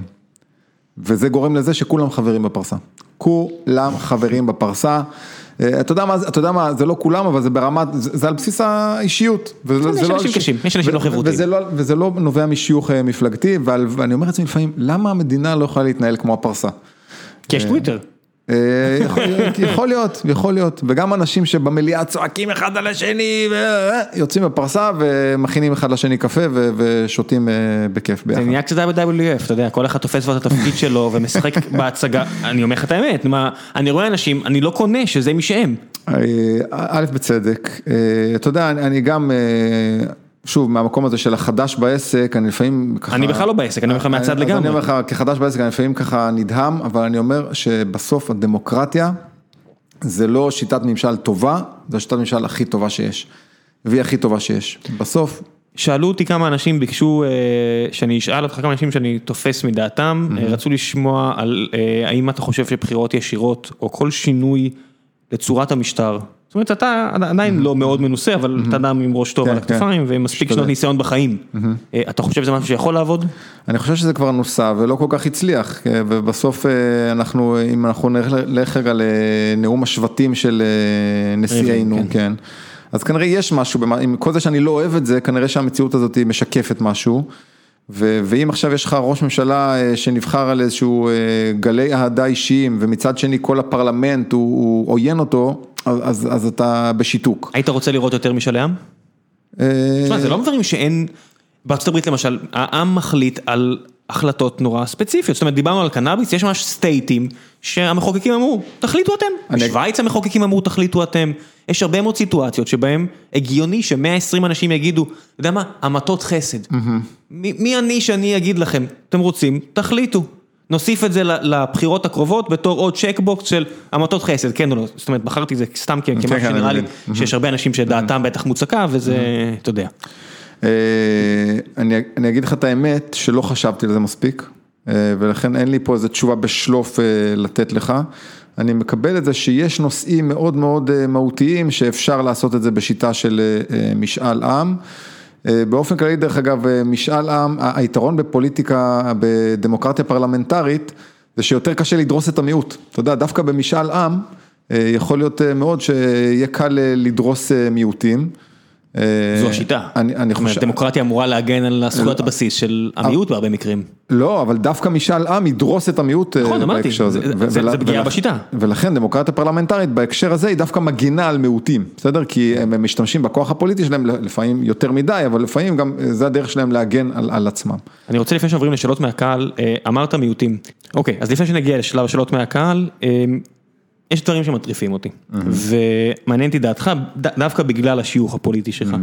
האוכלוסייה הערבית, לעניות דעתי בארץ, סובלת יותר מהכל, לא מלאומיות, אלא מהיעדר משילות. זאת אומרת, אנשים, לא הגיוני בעיניי שאזרחים ישראלים חיים בכזו היעדר משילות, שעבריינים מנהלים את חייהם, ורק עכשיו מורה רוצה לפתוח את שנת הלימודים, וטרגדיה בלתי נתפסת בעיניי. זאת אומרת, זה באמת לא הגיוני בעיניי שמדינה שיש לה... אז אני מבין שחוקתית הצבא לא יכול לטפל בזה, אני מבין את זה, אני גם לא רוצה שנחצה פה קווים אדומים, אבל עם כל הכבוד יש לנו שתיים מיחידות משטרה מבצעיות כנראה הטובות בעולם, בסדר, ימ"מ, ימ"ס, תגיד מה שתגיד, זה משטרה, הם יכולים לעשות מה שצריך. למה לא פותרים את הבעיה הזאת, מתן? ראם, אני חושב שגזענות היא מתועבת, באמת, מתעב גזענות, אני חושב שאזרחי מדינת ישראל הערבים חייבים ליהנות פה משוויון זכויות מלא. מלא, כמו כל אזרח יהודי במדינת ישראל, והסיפור הזה של האלימות בחברה הערבית הוא סיפור קשה, שחייבים, אני חושב שזה אחד האתגרים הגדולים של השר לביטחון פנים הבא. הייתם רוצים לתפקיד לזה? אני חושב, אתה יודע מה זה עכשיו, אנחנו לא מחלקים איזה... לא, אבל אתם מדמיינים משהו שבוער בעצמכם. אני חושב שזה תפקיד מאוד מאוד חשוב, תדע לך שאחד הדברים שאני מבואס עליהם אימים, זה שאני לא יודע ערבית, אני חושב שזה בושה וחרפה שישראלים פה לא דוברים את השפה של כל כך הרבה אחוזים משאר האוכלוסייה. שלא לדבר על כל השכונה. באמת, אני חושב שזה רמה נמוכה שלנו. ואני בעד שוויון זכויות מלא לאזרחי מדינת ישראל הערבים. איך פותרים את הדבר הזה? זאת אומרת, אני אפילו לא מדבר על הערים הרחוקות, שרוב האוכלוסייה קוראת להם כפרים, אבל זה ערים. פה ביפו, אני אומר לך, זוגתי עבדה שם, ואי אפשר להאשים אותה, גם אותי, בימניות יתר, ואני אומר לך, זה לא בר קיום. אני מסתובב, זה חלק מתל אביב, מהעיר הכלכלית הכי חשובה בארץ, אני רואה אנשים עם אקדח. שהוא נורא בולט ואני מוכן להתערב שאין להם שום אישור על זה. ואתה רואה מצלמות על בניינים ואני אומר, אוקיי, בסבירות נורא גבוהה, זה בית של עבריין, בסדר, אני לא צריך להיות גאון כדי להבין את זה. ואנשים חונים איך שבא להם, ואני אומר, לא מגיע להם משילות כמו שאני מסתובב ואני יודע שהילד שלי יכול להסתובב והוא בטוח, לא מגיע לאנשים את הזכות הכי בסיסית. אז ראם, כמו שאמרת קודם, ככה קצת צחקת עליי שאני מנסה להתפרס על יותר מדי נושאים. לא, אני יודע, אני פה מבקש דעתך לא שתפתור את זה. אז אני אומר, הדעה שלי, אני לא יודע איך לפתור את זה. זה בעיה כבירה, אני יודע. ואני חושב שזה בעיה כבירה, ואני חושב שזה צריך להיות בשיתוף פעולה עם האוכלוסייה, כי באמת, האוכלוסייה עצמה, הם לא תמיד מקבלים בברכה את גם אם לא, אני מבין שבטח שלא אפילו, אבל יש דברים, זה כמו... רגע, אני חושב שיש להם בעיה קשה של ייצוג בכנסת, אני אומר לך באמת, אני, לצערי, החברי כנסת הערבים, הם מתעסקים בעניינים, במקום לעזור לאזרחים הערבים, הם מתעסקים בלאומיות ערבית, וזה רק גורם להתססה עוד יותר ולהרחקה בין הציבורים. כן, אני רק אומר, מה שאתה אומר עכשיו זה תירוץ טוב לאוכלוסייה היהודית, למצב הזה של היעדר משילות, ובסופו של דבר, כשאתה מזניח אנשים, יצא משם יותר עבריינים, ואנחנו רואים את זה עכשיו בקורונה, יש שני מגזרים ש... זאת אומרת, אני מקווה שאני לא טועה במספרים, אבל יש שני מגזרים בעייתיים מבחינת הקורונה, וזה שני מגזרים שהקשר שלהם למדינת ישראל הוא הכי רופף, זה חרדים וערבים. אני מבין מה אתה אומר, אני, את החברה הערבית לצערי אני מכיר פחות. גם אני, אני אומר את זה, אני אומר את זה בשטחיות. אני יכול להגיד לך על החרדים, על החרדים שאני מזהה שם הזדמנות, הזדמנות אדירה ורצון עז מצידם להתחבר לחברה הישראלית. זה לא אומר שעל כל המחלוקות, על כל הדברים אנחנו נסכים, ואנחנו נצטרך לאפשר להם לשמור על אורח חייהם, אבל אני אומר לך שאני רואה שם רצון עז להשתלב בחברה. ברשותך אני אעשה קצת שאלות מהקהל. ברשות. תודה רבה. לפני שנגיע לשלב השאלות מהקהל, יש לך בעל חיים בבית? כן. יש פה דבר המפרסם, אני אכניס אותו שתי דקות. חברת סולמייט של חבר שהייתי ביחידה לפני 20 שנה ואי אפשר להאשים אותו שהוא לא אוהב חיות. גיל יחזקאל שכלב מעוקץ הציל את חייו וחייהם של כמה, לא מעט לוחמים בתקופה ההיא, יצא והקים את חברת סולמייט שמציעה אוכל לכלבים שבתקופה הזו הרבה יותר נוח גם לכיס וגם לבעל החיים, עומד בתקן, תו התקן האירופאי, הוא חסך איפה שהוא יכול והוא מציע הנחה של קרוב ל-50-40 אחוז מהחברות המוכרות. רוצו, רוצו לקנות. מה, ש, מה שנקרא רוצו לקנות ואני בטוח שגם אתה אוהב בעלי עסקים קטנים שנלחמים בתקופה הזאת. סיפ... הדברים שהוא סיפר לי, יש לו כמה עסקים mm-hmm. והדברים שהוא ישב איתי ואמר לי על הקשיים שהוא מתמודד איתם בתקופה הזאת, mm-hmm. זה בלתי נתפס. אז אמרתי לו, הפעם ראשונה שיצרנו את הקשר ולא דיברנו כמה תקופה, אמרתי לו, תקשיב אני, אני חייב לעזור לך איכשהו, אני חייב להביא את המסר הזה ל, ל, לצרכנים כי זה הרבה יותר זול. ואם אתם רוצים אפילו עוד יותר זול, אז תשתמשו במילת הקופון גיק, G-E-E-K, ועל השני שקים הראשונים שתזמינו תקבלו 50% הנחה נוספים. אה, פה בשלב הזה הוא כבר לא מרוויח כסף, אבל הוא בונה על זה שאחרי הפעם הראשונה אתם תמשיכו, אה, כי זה המבצע הזה הוא רק לפעם הראשונה, כמובן, גילוי נאות, צאו לזה. שהוא יתחיל להביא אוכל לקוניורי שמש, שזה תוכי. אתה בעסקי התוכונים? לילדים שלי יש תוכי, זה חיה מוזרה להפליא, הוא ישן איתם בלילה במיטה, זה באמת יצור מאוד מוזר. כל עוד הם לא באים לישון איתך במיטה, זה החוק היחידי מבחינתי שאני אוכף. רוצו לקנות מהחבר של ראם. בבקשה, סולמייט, לא צריך חברים, זה פשוט הצעה עסקית טובה וטוב לבעלי החיים שלכם, הכלבים שלי אוכלים, אז אני לא יכול להגיד שאני לא בודק בעצמי. שאלות מהקהל, עקיבא בלוך שואל, האם אתה לא חושב שיש בפוליטיקה יותר מדי קצינים ופחות מדי אנשי מקצוע אחרים?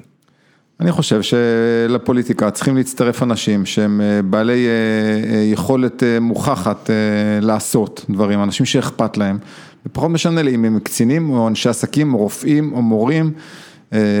אני כן אפשר לראות מאוד בבירור שרמטכ"לות זה כמעט ערובה לחוסר הצלחה בכניסה לפוליטיקה. ולכן, אבל זה לא אומר שצריכים למנוע מהם להיכנס. כן, היו, היו כל מיני אנשים, זאת אומרת, אנשים כמו ליפקין שחר וכל מיני כאלה שאתה אומר, זה לא בשבילם פשוט.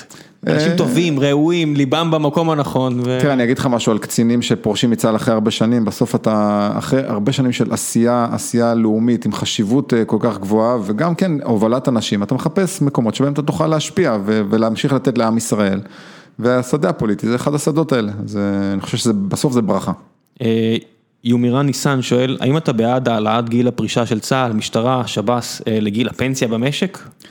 אני חושב שזה עניין מורכב וצריכים לעשות פה הבחנה בין לוחמים לשאינם לוחמים. בסוף אני, אני לא יודע בין כמה בחור ששאל את השאלה הזו. אני מעריך 35. 35, אז אתה יודע, אני בתור אבא לחייל, אני שואל את עצמי, האם הייתי רוצה שמפקד הגדוד של, של הילדים שלי ושל האחיינים שלי יהיה בין 55 ומפקד החטיבה בין 58? לא, מפקד הגדוד לא יכול להיות, אתה יודע את זה כמוני. לא, הוא אז, צריך לצאת לשטח. בסדר, אבל... אז זה העניין, אם אתה רוצה מפקדים צעירים, אתה צריך להריץ אותם במסלול הפיקוד יחסית מהר, ואז, אבל הפירמידה הולכת ונהיית צרה. ובסוף האנשים האלה, הקריירה שלהם נעצרת בגיל 45-46, עכשיו מה תעשה איתם? אתה מצד אחד אומר, אני רוצה שאת כל החיים שלכם תקדישו לביטחון המדינה, תרוצו על הג'בלאות, מצד שני אתה בגיל 46 אומר, די, נגמר לכם אופק הקידום, אז מה תעשה איתו? אתה חייב לאפשר לו להיכנס לחיים האזרחיים. האם עורך דין בצה"ל גם צריך לפרוש בגיל 46? התשובה היא לא. היית רוצה לראות צבא מקצועי בארץ? לא, לא. אני חושב שאנחנו עדיין צריכים לשמר את הערך הזה, שהצבא הוא צבא העם, וזה חובת השתתפות בערך הקדוש הזה של הגנה על העם שלנו ועל הארץ שלנו, ולכן לא הייתי רוצה שהצבא יהיה מקצועי. אני מודה שכל מה שאני חושב על זה אישית, אני מבין את המעלות בצבא מקצועי, אני פשוט חושב שאין לנו את הפריבילגיה הזו, אני חושב, לצערי, אם אתה רואה חיילי אמריקאים ומי מתגייס לצבא האמריקאי, אנחנו צריכים שאנשים, אני לא יכול להגיד הכי טובים, אבל אנשים... מאוד מוכשרים, ילכו לצה"ל, ואני חושש שאם זה יהיה צבא מקצועי, הסיפור הזה ייפגע. אני מסכים איתך. אין מה לעשות, 2020 זה 2020, היא מביאה איתה הרבה פיתויים שקשה לעמוד בהם, ולכל הפחות לשלוש, הבעיות שיש כרגע עם לשמר אנשי קבע, אני לא הייתי רוצה שזה ירד לגיל 18. נכון, נכון, נכון, יש פה קושי גדול. גם מקומות שאתה שירתת בהם, שהם כביכול תמיד יהיו מבוקשים, הייתי רוצה שהם תמיד יהיו מבוקשים לכלל האוכלוסייה. נכון, אני חושב באמת שאנחנו צריכים... אני אומר את זה בצורה הכי צינית שיש. לא, לוודא שגם, שאנשים ירצו להיות מ"פים בשריון ובהנדסה קרבית ולא רק במקומות הנוצצים, ואני אומר לך באחריות שמי שהוא מ"פ בשריון או מ"מ בהנדסה קרבית, הוא עושה שירות לא פחות מפואר מאף אחד מהאנשים ביחידות הכי נוצצות. אז, אז אני, אני רק רוצה להגיד לך, ותקנו אותי, כי הרבה פעמים אני עושה פה איזה גלוריפיקציה ליחידות, כי, כי אני מודה ש... אתה יודע, תכנון של הדברים האלה, והייתי מאלה שאתה יודע, התאמנו בשביל להגיע לאיפה כל השטויות האלה, ואני מת על הדברים האלה, והגיע לפה איזה בחור בשם פרופסור שחר קוטינסקי לא מזמן, שהיה מ"פ בדיוק בגולני, והבן אדם עדיין לא בן 40, פרופסור בטכניון, מקים עכשיו חברה שאם אני הייתי יכול להמר על חיי שתהיה הצלחה, אני עושה את זה. אחד החוקרים הכי מרשימים בארץ ועדיין עם איזה 100 ימי מילואים בשנה בגולני, לא מטכ"ל, לא שייטת, לא כלום. ואמרתי לאותו בן אדם שאמר לי, אמרתי לו לא, לא, לא, קצינים בגדודים זה לא פחות קשה. להפך, הם מתעסקים עם אנשים הרבה פעמים עם מוטיבציה נמוכה יותר, והמשימות שלהם הרבה פעמים מאתגרות בצורה מאוד שונה, פשוט הרבה פעמים יש ערכים מסוימים שאני מאוד אוהב ביחידות, בגלל זה אני עושה להם גלוריפיקציה. חייב לספר לך על השיחה האחרונה שלי עם עמנואל מורנו, זיכרונו לברכה, יומיים לפני שהוא נהרג. מי שלא מכיר, קצין אגדי בסיירת מטכ"ל, עדיין אי אפשר לפרסם את שמות, את תמונתו, תבינו לבד למה. הוא היה בצוות שלי ושל נפתלי בנט, היינו ביחד, והספקתי לדבר איתו באמת יומיים לפני שהוא נהרג, ככה המלחמה כבר נגמרה, בסדר? כולם אומרים שהוא חושבים שהוא נהרג במלחמת לבנון השנייה, הוא נהרג אחרי שהמלחמה כבר נגמרה. ודיברנו ככה והשווינו חוויות, ואני את החוויות שלי מהקוקפיט והוא את החוויות שלו, ואז אמר לי, תשמע מתן, עם כל הכבוד לנו, הגיבורים האמיתיים, גולני, גבעתי, אלה שקמו להסתער בבינצ'בל, ואלה שעם הטנקים שלהם נסעו בסלוקי וחטפו קורנטים אחד אחרי השני, וההנדסה עם ה-D9ים שלהם שגם חטפו קורנטים לתוך הפרצוף, אלה הגיבורים האמיתיים, לא אנחנו עם מהקוקפיט ולא מסיירת מטכ"ל שעושים איזה מבצע פינצטה פה ושם, באמת להריץ את האנשים האלה. כן, גם קראתי איזה מחקר נורא מעניין על פוסט PTSD ופוסט טראומה סינדרום, שהוא הרבה פחות נפוץ ביחידות מיוחדות, עשו את זה בעיקר על האמריקאים, כי כשאתה עובד ביחידה מיוחדת, אתה נמצא בשליטה, הפעילות נורא יזומות. אתה אתה מרגיש שאתה בסיטואציה, אז לפעמים קורה שלא, ואז באמת יש לוחמים שסובלים מאוד, וצריך לטפל בהם, ומצד שני, שהרבה פעמים אתה עושה פעילויות שהן הרבה יותר מאתגרות מנטלית, אתה נמצא בעמדה כמו שהיה בתקופה של לבנון אז, ויגיע הסאגר הזה או לא יגיע הסאגר הזה, וזה שורט בצורה ששום דבר ביחידות המיוחדות, זאת אומרת, אני מודה שהייתי עולה לגלדיולה עם גולן, הייתי אומר את זה רק בראש, איך אתם עושים את זה כל יום? אני אומר, הייתי אומר את זה באמת, זה כל כך קשה. מסכים איתך לחלוטין. אוקיי, בוא נעשה קצת שאלות מהקהל. מה מעצבן אותך חוץ מזהות ופייגלין היום? לא, ממש זהות ופייגלין לא מעצבן. תומר שואל, תומר נמט. אתה יודע, בבחירות מועד א' היה איזה סרטון שעשיתי על פייגלין, ומאז יש לי את התווית של שונא פייגלין. אני אומר לך שאני מעריך את פייגלין, אני חושב שיש בדרך שלו הרבה דברים מאוד חכמים. שכדאי לאמץ. הם מאוד דומים בהרבה דברים. הגישה שלו היא קצת, היא פשוט, אין בה מורכבות, היא מאוד... טהרנית. אני אני לא, שוב, לא רוצה לכנות בשם. אני אומר, לא אתה. אוקיי, אבל... אני מאוד מחבב את האיש. יש בגישה שלו הרבה דברים מאוד רציניים שכדאי לאמץ, אני חושב שבוא נגיד ככה, מי שהיום מחפש דברים שפייגלין ניסה לקדם, ימינה זה המקום שלו כדי שבאמת יקרו. אורי וולפוביץ', שואל, על מי תמליץ לראשות הממשלה בבחירות הבאות ולמה דווקא נתניהו? אז הרבה אנשים פה... שמע, אין מה לעשות, הרגע הזה, שהוא בסבירות לא מבוטלת יקרה, שאחרי כל, שאתם רק מצביעים על הכשלים של האיש, שיש לו הרבה מעלות ועשה הרבה למען מדינת ישראל, אבל כמו שאתה אומר, כיום פחות, ואתם כנראה במידת הצורך תצביעו עליו, שוב, במידת הצורך, אם זה יקרה, עד כמה זה יהיה לך קשה לעשות את זה? אני אומר בצורה הכי ברורה שאני... יעשה כל שאני יכול כדי שנפתלי בנט יהיה ראש הממשלה הבא, ואני אומר שוב, וגם נפתלי אמר את זה בקולו, אנחנו לא מהקהילת רק ביבי ולא מקהילת רק לא ביבי, אנחנו, אני חושב שנפתלי בנט צריך להיות ראש הממשלה הבא, אני חושב שהוא מתאים לזה, הוא עשה מספיק תפקידים, הוא הוכיח שהוא איש רציני, איש ביצוע, והוא בעזרת השם יהיה גם ראש הממשלה הבא. יצחק ברה שואל, איך אתה מציע להתמודד עם ההסתדרות בפועל, בפועל, הגבלת שביתות, קיצוץ שכר ופנסיות, כשיש חשש משביתה כללית ממושכת כתגובה, זאת אומרת, מה, לדבר גבוה גבוה, הרבה אנשים עושים, הרבה אנשים עושים, וסבירות לא מבוטלת ששנה מהיום, שנתיים מהיום, אתה תהיה בתפקיד שצריך גם לפעול. הלוואי, זו שאלה מצוינת והדבר הכי דחוף שצריך לעשות זה להעביר חוק לאיסור שביתה בשירותים חיוניים. זה הדבר הכי דחוף, זה, להסתדרות יש היום את נשק יום הדין, אתה יודע, לבג"ץ יש את ביטול חוקים, להסתדרות יש את נשק השביתה. עכשיו, כשהעובדות הסוציאליות יצאו לשביתה, הם אפילו לא הסכימו לתת את קרן השביתה, לאפשר להם לשבות בעזרת קרן השביתה שלכאורה מגיע להם, והם לא עזרו להם. אבל כשעכשיו אה, מנסים אה, להוריד קצת משכורת לאלה שהמשכורות הגבוהות, הם מיד אה, נזעקים, כי הם כואב לי, מגינים- כואב לי שאתה חושב שעובדים סוציאליים הם לא קריטיים. לא. לא, כי זה-. זה נתפס כי- ממה שאתה אומר, ההפך, כך- זהו, ההפך, זה- הרי ראם, אני הרי עמדתי. על במת הכנסת וצעקתי למען אה, העובדים הסוציאליים, בגלל זה אני אומר. שכואב לי מה שאתה אומר, אה, ייתפס כ... אבל העובדים האלה שבסוף מכבים לנו את החשמל, ואלה שעוצרים אותנו מלטוס לחוץ לארץ, ואלה שעוצרים את התוצרת החקלאית של חבר שלי מהצבא אה, ונותנים לה להירקב בנמל, אלה מחזיקים את השלטר, זה, זה פשוט וקל, ו- ורק, ולהם ההסתדרות אה, דואגת, וברגע שאנחנו ניקח מהם את נשק השביתה, את האיום הכי חמור שלהם, הכל יסתדר, הכל יסתדר, ולכן, ואז יפסיק, אנחנו נפסיק לראות משכורות עתק בחברות האלה, אולי יהיה, אבל נפסיק- אולי- אולי זה יהיה מתואם לכלכלה, אני נכון, יודע אבל מה. אתה יודע מה, לא נראה נהג אוטובוס בחברת חשמל שמרוויח 60 אלף שקל, ולא נראה מנופאי שמרוויח 85 אלף שקלים, ולא נראה, ולא נראה שהמשכורת הממוצעת בחברות האלה היא אה, פי, אה, לפעמים פי שתיים וחצי יותר גבוהה כן. מהמשכורת הממוצעת במשק, כי תאמין לי, העובדים שם הם עובדים מעולים, אבל הם לא פי שתיים וחצי יותר טובים מהעובדים בשאר המשק. תמיד אומר לזוגתי אה, שתחיה, אני, חלום שלי לשלם מס הכנסה מיליארד שקל, חלום שלי, אה. אז אני גם אומר, חלום שלי לראות מנופאי שעושה עבודה שמצדיקה אה, 85 אלף שקל. כי זה אומר שהתפוקה של הנמלים בארץ עף על השמיים ואז כולם מרוויחים, מבחינתי, אתה יודע מה? אם, אם התפוקה היא כל כך גבוהה, קניתי. כולם, אין מה לריב על השכר, בוא, בוא נדבר על הדברים הפרקטיים, ה- ה- לא, אתה יודע, לא התוצרים. מנופאי וגם נתב, כולם אומרים נתב זה עבודה מאוד קשה, מה נתב זה עבודה יותר קשה מרמטכ"ל? הוא צריך כן, להרוויח יותר מהרמטכ"ל? אני, אני לא קונה, אני, קשה לי עם זה, כי עובדת סוציאלית עושה עבודה הרבה יותר קשה משלי, אה, ובגלל שהתברכתי בככה וככה, אז אני מרוויח יותר. אני לא, אני לא משתמש בקשה קל, אתה מבין?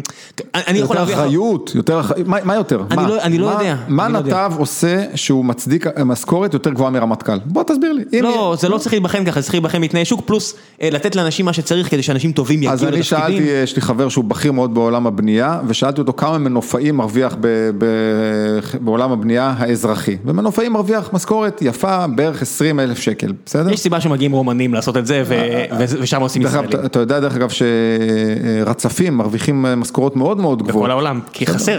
כן, אתה כי אתה חסר. יודע מה, אתה- אתה כולם? רצו להיות אקדמאים. אתה יודע, אני אומר, זה גם קשור לקורונה. עכשיו, יש אה, עניין עם אה, אבטלה. יש לי חבר שיש לו חברה והוא מנסה לגייס עכשיו 300 עובדים, והוא לא מצליח אפילו 20, הוא לא מצליח לגייס אפילו 20 עובדים. אנשים לא מוכנים לבוא לעבוד בגלל ה... מה אתה רוצה, סידרת להם. הכנסה עד 2021? נכון. תשמע, יש, יש הרבה דברים, אני, אני מודה שבגלל הפריבילגיה הזאת שיש לי פה, שאני יכול לעשות הפסקה באמצע שלי ולדבר ואנשים מאזינים, פונים אליי כל מיני אנשים. ופנה אליי איזה אדם יקר, ש...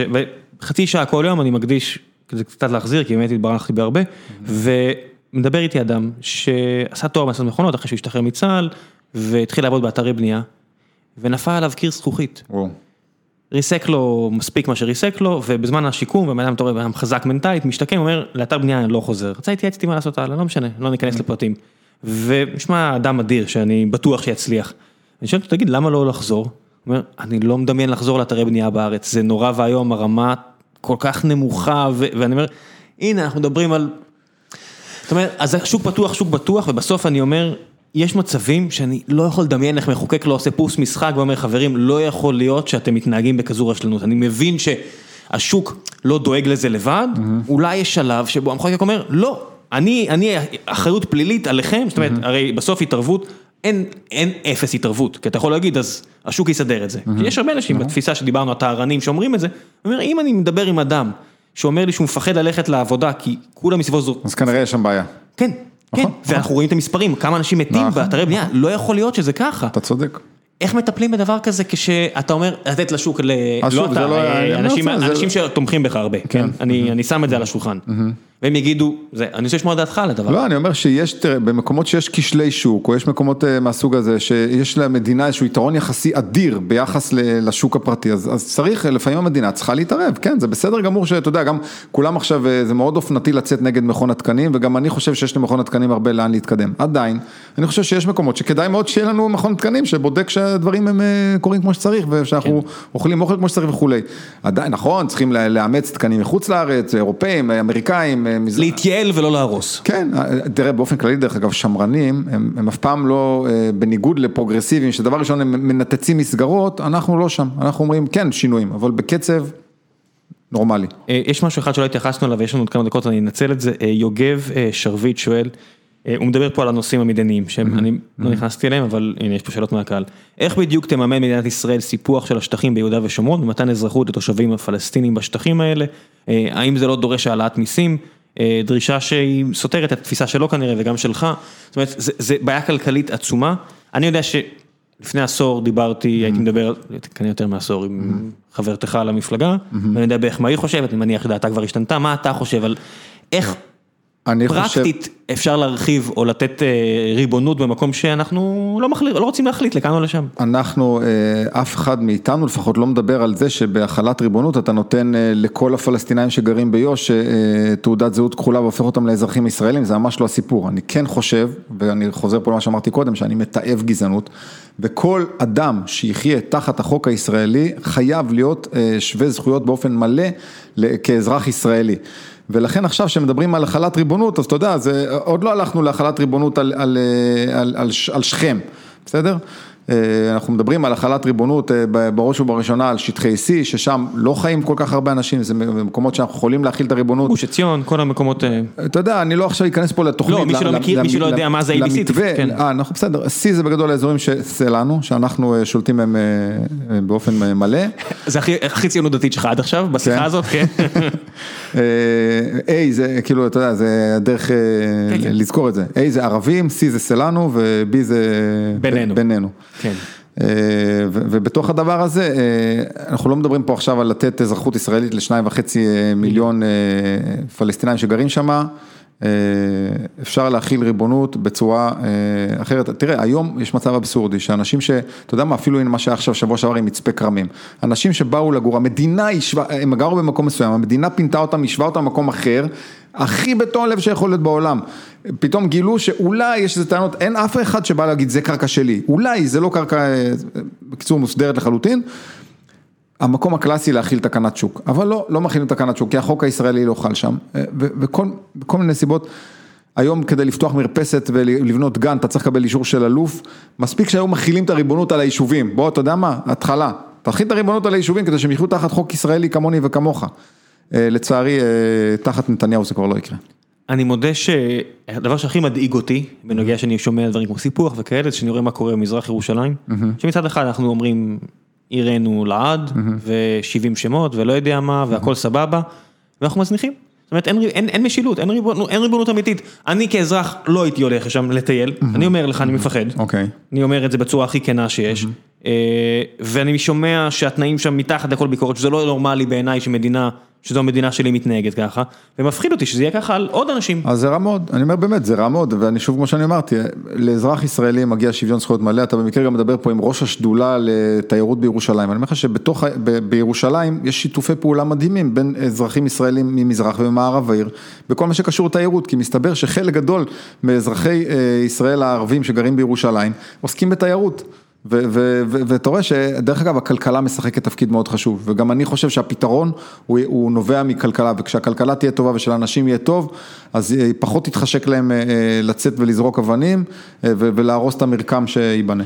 בסוף אנשים זורקים אבנים כי לא טוב להם, לא כי הם רוצים, בהרבה מקרים, לא תמיד, ברור שיש לאומיים, גם אוסמה בן לאדן היה מיליונר, אז אל תתפסו אותי במילתי פה, אני רואה פה זה, שאתה זה, עוד כמה שאלות, פיניתי זמן כי כמה כבר מזדמן לשבת לדבר איתך, אנשים פה שואלים על חרדים, גלעד סיוון, אם תהיה בממשלה, מה תהיה האסטרטגיה, זאת אומרת, אתה מבין, כאילו אין כנסת, כאילו הכנסת לא שווה כלום, אבל אני אומר, כמחוקק, מה תהיה האסטרטגיה שלך כלפי האוכלוסייה החרדית? כשהאיום המשמעותי הוא שב-2050 יהיה רוב חרדי שיש עמו את הבעיותיות, אומר לא עובד וכו' וכו' וכו', הוא מונה, איך מפלגה ימנית דתית כמו ימינה צריכה להתנהל אל מול ש"ס ויהדות התורה? שאלה נפלאה, וכמו שאמרתי קודם, יש כאלה שרואים בחרדים איום ואני רואה בהם את הפתרון. למה? יכול להיות שב-2050, אתה יודע, קשה לנבא, אבל נניח שב-2050, בעתיד, מה זה משנה המספר? בעתיד. זה לא יהיה אותם חרדים. זה לא יהיה אותם חרדים וזה יהיה חרדים שהם משולבים באופן מלא בחברה הישראלית, בין אם זה בכלכלה, בין אם זה באקדמיה, ברפואה, בכל התחומים וגם בצבא. אני אומר לך, אני רואה את התהליכים האלה קורים מול עינינו. אני פוגש אנשים חרדים, משכילים, שהם כואב להם, שהם לא למדו לימודי ליבה, והם הם ידחפו לזה לאט לאט, העניין הוא שהכל צריך להיות בהסכמה, שום דבר לא עובד בכפייה, ואתה יודע, ונפתלי בנט הרי הוציא תוכנית שנקראת משיסוי לשילוב, ואחד הדברים הראשונים שהוא אמר, בואו נוריד את גיל הפטור משירות צבאי מ-23 ל-21, כי היום אתה מכריח אה, בחור, נער ובחור חרדי, להישאר בישיבה עד גיל 23, בגיל 23 הוא בדרך כלל נשוי פלוס שלושה או ארבעה ילדים, בגיל הזה שהוא יוצא לחופשי מה שנקרא, אה, והוא לא תחת איום שיגייסו אותו אה, לצבא, כבר מאוחר מדי בשבילו ללמוד מקצוע שתואם את היכולות שלו, ואז הוא שוב פעם נכנס לאיזה מעגל של עבודה בשחור, של עבודה שלא הולמת את הכישורים שלו, והוא מנציח את המצב הקיים. אם בגיל 21 האנשים האלה יקבלו פטור מהצבא, מהצבא ובגיל 21 הם כבר יוכלו לצאת, ללמוד באקדמיה, להשלים בגרויות ולעבוד בעבודות שמתאימות ליכולות שלהם, בדור הבא אנחנו כבר נראה, וזה ילך ויתקדם כל הזמן. דרך אגב, תסתכל, נשים חרדיות משולבות לחלוטין. בחברה היום, אני אומר. זו לא הבעיה, אתה יודע, שאנשים יודעים למנות את הבעיות כבר יורדים לרמת המגדר פלוס ה... אז אני אומר לך שלאט לאט אתה תראה שהם ישתלבו בחברה, כי הם לא יכולים להמשיך לחיות בעוני המרוד הזה, שלצערי המנהיגים שלהם לעיתים דנים אותם לתוך הדבר הזה, והחוכמה תהיה מצד אחד לשמר אורח חיים תורני חרדי, ומצד שני להיות משולבים בחברה הישראלית, אני משוכנע שזה יקרה. אתה מרשה לי לאתגר אותך קצת? לך על זה. אמרת, צה"ל הוא ארגון שצריך לנצח ואני מאוד מתחבר למילה הזו, בניגוד לארגון שצריך לסגור פערים וכל מיני אידאות גדולות שתפרו לו. ואמרת, בגלל זה נשים צריכות להיות כמו בקוקפיט או בכל מקום שהכוח הפיזי הוא לא בהכרח קואורדינציה יותר חשובה מכוח פיזי. למה צבא צריך חרדים? זאת אומרת, אני מצטער שאני אומר את זה, אבל אני רואה הרבה חרדים בגיל 18 ואני מסתכל עליהם ברמה הכי, אני מצטער ברמה הכי שטחית שיש. צה"ל לא צריך אותם. למה צה"ל צריך לפתור את הבעיה של שילוב חרדים? כל המריבות האלה בין כל העולם ואשתו למען איזו אידאה של שוויון, ששוב, אני לוקח את מה שאתה אמרת על נשים וגברים ואני משליך אותה על חרדים. למה צריך להכריח אנשים להתגייס? אם הם א' לא רוצים, ב' ה-18 שנים הראשונות בחייהם, הבילו אותם למצב גופני לא, לא, לא, פה אני חולק עליך, תאמין לי, אני ראם, אני אומר לך שאני לא מעט רואה חרדים, תאמין לי, יכולים להיות מגיסטים בסיירת מטכ"ל, בסדר? כאילו חופשי, בקלות, יש שם אנשים בנויים לתלפיות. בטוח שיש כמה, כמו שיש נשים. זה לא העניין, זה לא העניין, אני חושב ששוב, הם לא רוצים אבל. אתה יודע, זה בסוף, כשמשימה נעלה של הגנה על המדינה, תוך כדי המוכנות לסכן את חייך בשביל הדבר הזה, לא יכול להיות שציבור מסוג אחד משתתף בזה וציבור מסוג שני לא משתתף בזה. עכשיו השאלה היא, אני, עם זה אני לגמרי מסכים, בסדר? אתה יודע, יש פה את האמירות על בתי העלמין, לא יכול להיות שציבור אחד הולך לבתי העלמין ובתי... בוא לא ניפול לדמגוגיה. בסדר, נכון, אז אני נזהר מזה. מישהו אמר לה על תל אביב, ואני אמרתי, אני אמנם בתל אביב רק עשור, אבל יש פה מספיק אנשים שאיבדו. אני מכיר לא מעט תל אביבים גם, שאיבדו את חייהם. בסוף אני חושב שבהגנה על המדינה, כל הציבורים צריכים להשתתף. רק אני חושב שהדרך להגיע לזה היא לא בכפייה, ולכן הניסיונות גם של ליברמן וגם של יש עתיד להגיע למקומות האלה בסוג של כפייה, לדעתי נדונו לכישלון, וככל שנעשה את זה יותר בהבנות ובשיתוף פעולה, יש סיכוי שזה יצליח. אולי ייקח יותר זמן, אבל זה יצליח. אז בוא נתחיל לאחד פה שאלות, כי שאלו אותך מלא שאלות ואני רוצה כבר להגיע למקום שאני לא אוכל לך את כל היום. אופיר יוקטן וגם עוד חבר'ה פה שאלו על... לאיזה קואליציה פוטנציאלית היית מצטרף, ואנשים אחרים שאלו, נגיד אלון פרי, שאל האם אתה מתנגד לכניסה לממשלה יחד עם מפלגות ערביות, כל מיני שאלות על קומבינטות של קואליציות. אז אני אגיד ככה, שוב, אנחנו, אנחנו מפלגה ימנית, אני חושב שהיום אנחנו מבטאים את הימין הכי ימין שיש בפרלמנט. ולכן אם זה היה תוכנית כבקשתך, הייתי מאוד רוצה שתקום פה ממשלה ימנית, ממשלה שתעשה את כל הדברים הימניים שאני מאמין בהם, הן החלת ריבונות על יהודה ושומרון, הן, על, הן ריסון בית המשפט העליון, הן תוביל דברים שקשורים בכלכלה חופשית וליברלית, כל הערכים של הימין.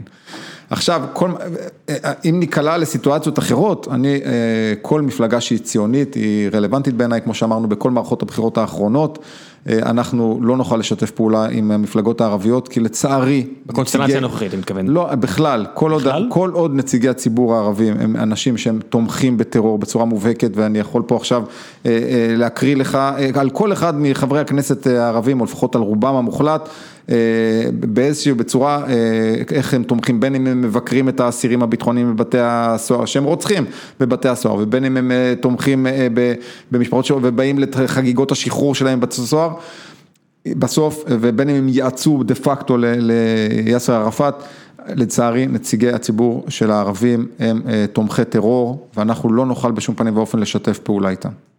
אז אני מבין איפה זה מגיע, אבל אז אני רואה שעושים הסכמים שאני לגמרי בעדם. הרי מדברים עכשיו עם מדינות שמותר להגיד שמדברים איתם, ומדברים עם מדינות שכנראה אסור לדבר שמדברים איתם, אתה יודע, כשאתה מגיע לסיני, אז מה- מה- מהצד השני של ה- של האגם הקטן, ערב הסעודית, בסדר? אוקיי. מערב הסעודית, אני יכול להגיד בתקווה לזה מה שאני רוצה, כי אני לא שוס לדברים האלה, אז אין לי מושג, אני יכול...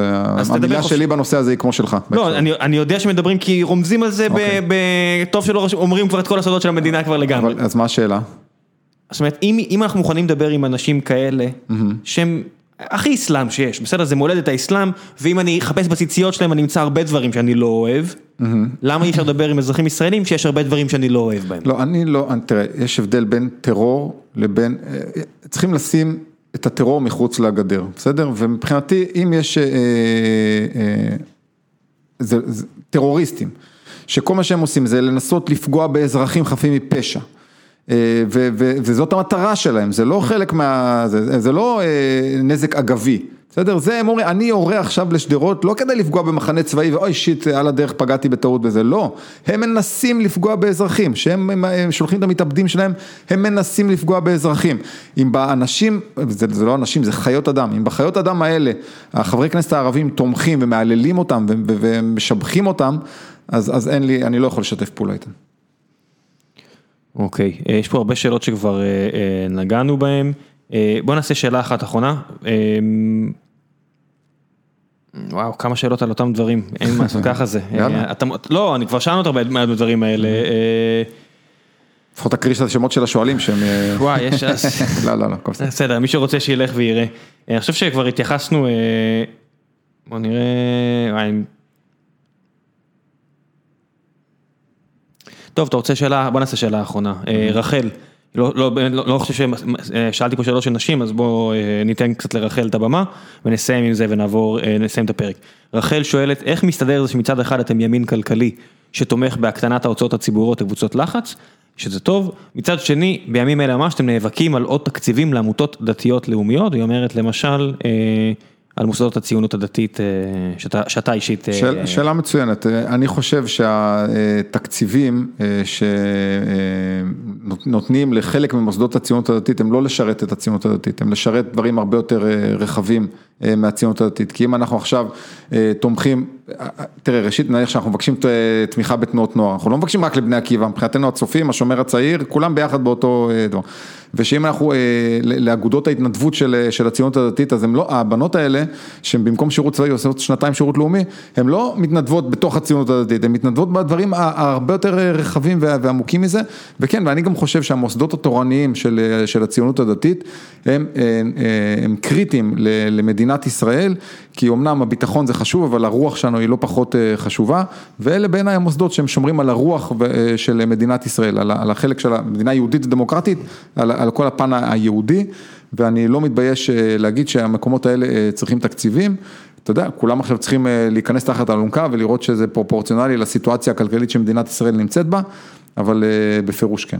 טוב, חלק אחרון של, של הפרק הזה, המלצות, משהו ששמעת, ראית, קראת לאחרונה ובא לך להמליץ לקהל המאזינים, לא חייב להיות חדש, רק משהו שנהנית ממנו ואתה רוצה... דבר ראשון, יש ספר, איך מנצחים מגפה של נפתלי. די, אל תהיה...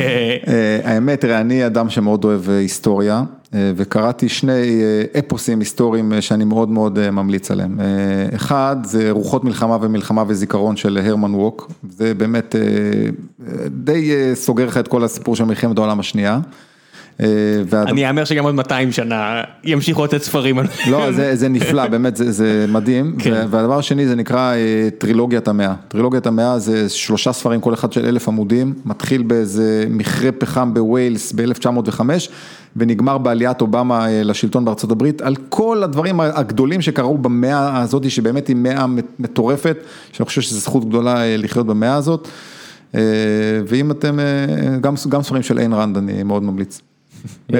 לכו על מרד הנפילים. אתה אומר, כי היית חייל כל השנים האלה, פספסת את השלב שאתה משלים את הספרים האלה. לא, אתה יודע עכשיו, קטע, אני אומר לך ממש לסיום, עד גיל 18 לא קראתי ספרים. בקושי, אני לא נעים לי להודות. אני חושב שרוב הילדים היו ככה. הרפרטואר שלי הסתכם בדנידין וקופיקו, לא נעים. אני צריך להתאמן לגיבושים, אבל אתה יודע. כן. ואז הגעתי לסיירת מטכ"ל, והמפקד צוות שלי, קיבוצניק מקיבוץ רשפים, קלט שאני לא קורא ספרים, והוא אמר... מה, בשבתות? כן, באופן כללי, הוא שאל פעם... והוא אמר, אין, אין חיה כזו שמטכ"ליסט הוא כזה בור, לא ייתכן שלוחם סיירת מטכ"ל הוא לא אדם רחב אופקים שקורא ספרים. והוא הכריח אותי לקרוא את הספר רומן רוסי, וזהו, ומאז אני לא מפסיק לקרוא. איך יצא שהייתם צוות עם שלושה חובשי כיפה? היינו ארבעה. זה כאילו אני מדמיין אפילו, לא יודע, 20 שנה אחורה זה היה נדיר, אז בטח 30 שנה, 35 שנה זה אפילו ממש, אני חושב שזה היה מאוד נדיר, כן, סיימנו את המסלול 12 לוחמים, מתוכם ארבעה חובשי כיפה, דרך אגב, מאז עוד שניים חזרו בתשובה. חצי. בסדר. חצי, זה בטח איזשהו שיא ביחידה. אני לא, אני אומר, אני לא יודע מה אתה אומר, אני אומר, אני אמליץ. ידידי גיא רולניק שאנחנו רבים לרוב כי אנחנו לא מסכימים על הרבה מאוד דברים אבל הוא מביא לי אחלה המצות לקריאה ואני לומד מהם הרבה אז ספר שהוא מהצד השני של התפיסה הכלכלית שלך אבל הוא גם היסטורי ועל תחילת המאה הוא נקרא גוליית The 100 year war between monopoly and democracy. יש הרבה דברים שם שקשה לי שזה יראה לי במורד הגרון אבל אני לומד הרבה כי כרגיל אני בא יהיר ובטוח שאני יודע הכל. תמיד כדאי ללמוד על ה... ואז אני שוב מגלה שיש הרבה שאני לא יודע וזה טוב. אני רק באמצע הדרך אבל ספר מעולה ותמיד טוב לקרוא גם כאלה שאתה לא מסכים איתם. חובה, כי זה מאתגר אותך. חובה לקרוא. חובה. כן, וידוע פה דעותיי בנושא הזה לפחות ידועות, כל מי שמאזין יודע שאני בצד, לרוב בצד השני, אבל ככה זה. אתה... דרך אגב, זה גם מורכבות, אם הבנתי ממך נכון, בצד הכלכלי אתה ימני ובמדיני אתה שמאלני, וזה בסדר גמור. אז גם, אני לא יודע, אני לא יודע מה זה שמאלני ומה זה ימני, אבל... כי אני מוצא ש... היום יש איזה נטייה לברוח מההגדרות האלה, אין מה לברוח מזה, כי אם אנחנו מקבלים את זה ששנינו רוצים טוב, זה בסדר, בוא נחדד את ההבדלים בינינו ונסכים בסוף שיש דמוקרטיה וסדר. אני פשוט אומר שעם כל שנה שעוברת, אני אומר, אה, חשבתי ככה, אבל הנה, עכשיו אני רואה, אבל כן, בבירור כנראה שהתפיסה שאמרת היא בצורה גורפת כנראה נכונה כלפיי, אבל אני פשוט כבר לא יודע מה זה שמאל מדיני, כי מה שחשבתי שצריך לקרות לפני עשור, היום אני לא חושב שהוא אפשרי בכלל, אז מה לדבר על איזושהי דעה בלתי אפשרית? מה, אתה יודע, ואם לפני 20 שנה חשבתי, צריך להחזיר את הגולן, עכשיו אני אומר, וואו, איזה החלטה לא טובה זו הייתה. כן, אה? אתה מבין, אז מה זה הדבר הזה? אתה צריך להתפתח ולחשוב הלאה, אז טוב שיש לך מצפן ערכי קדימה, שהוא נכון בשני הדברים האלו, אבל זה לא יכול להיות דברים מוחלטים. כנראה שמצפן ערכי זה הדבר החשוב. כן, כל אחד צריך לשכלל לעצמו אחד, אבל אני לא מוכן לתפיסות בסלע. בסדר גמור. כי כל פעם אני רואה כמה טעיתי, אני מניח שעד גיל 70 אני אגיד שאני לא יודע כלום וזהו. תודה רבה ידידי, ממש אני מעריך את הזמן הזה שהקדשת פה. נהניתי מאוד, תודה. בהצלחה, ביי ביי.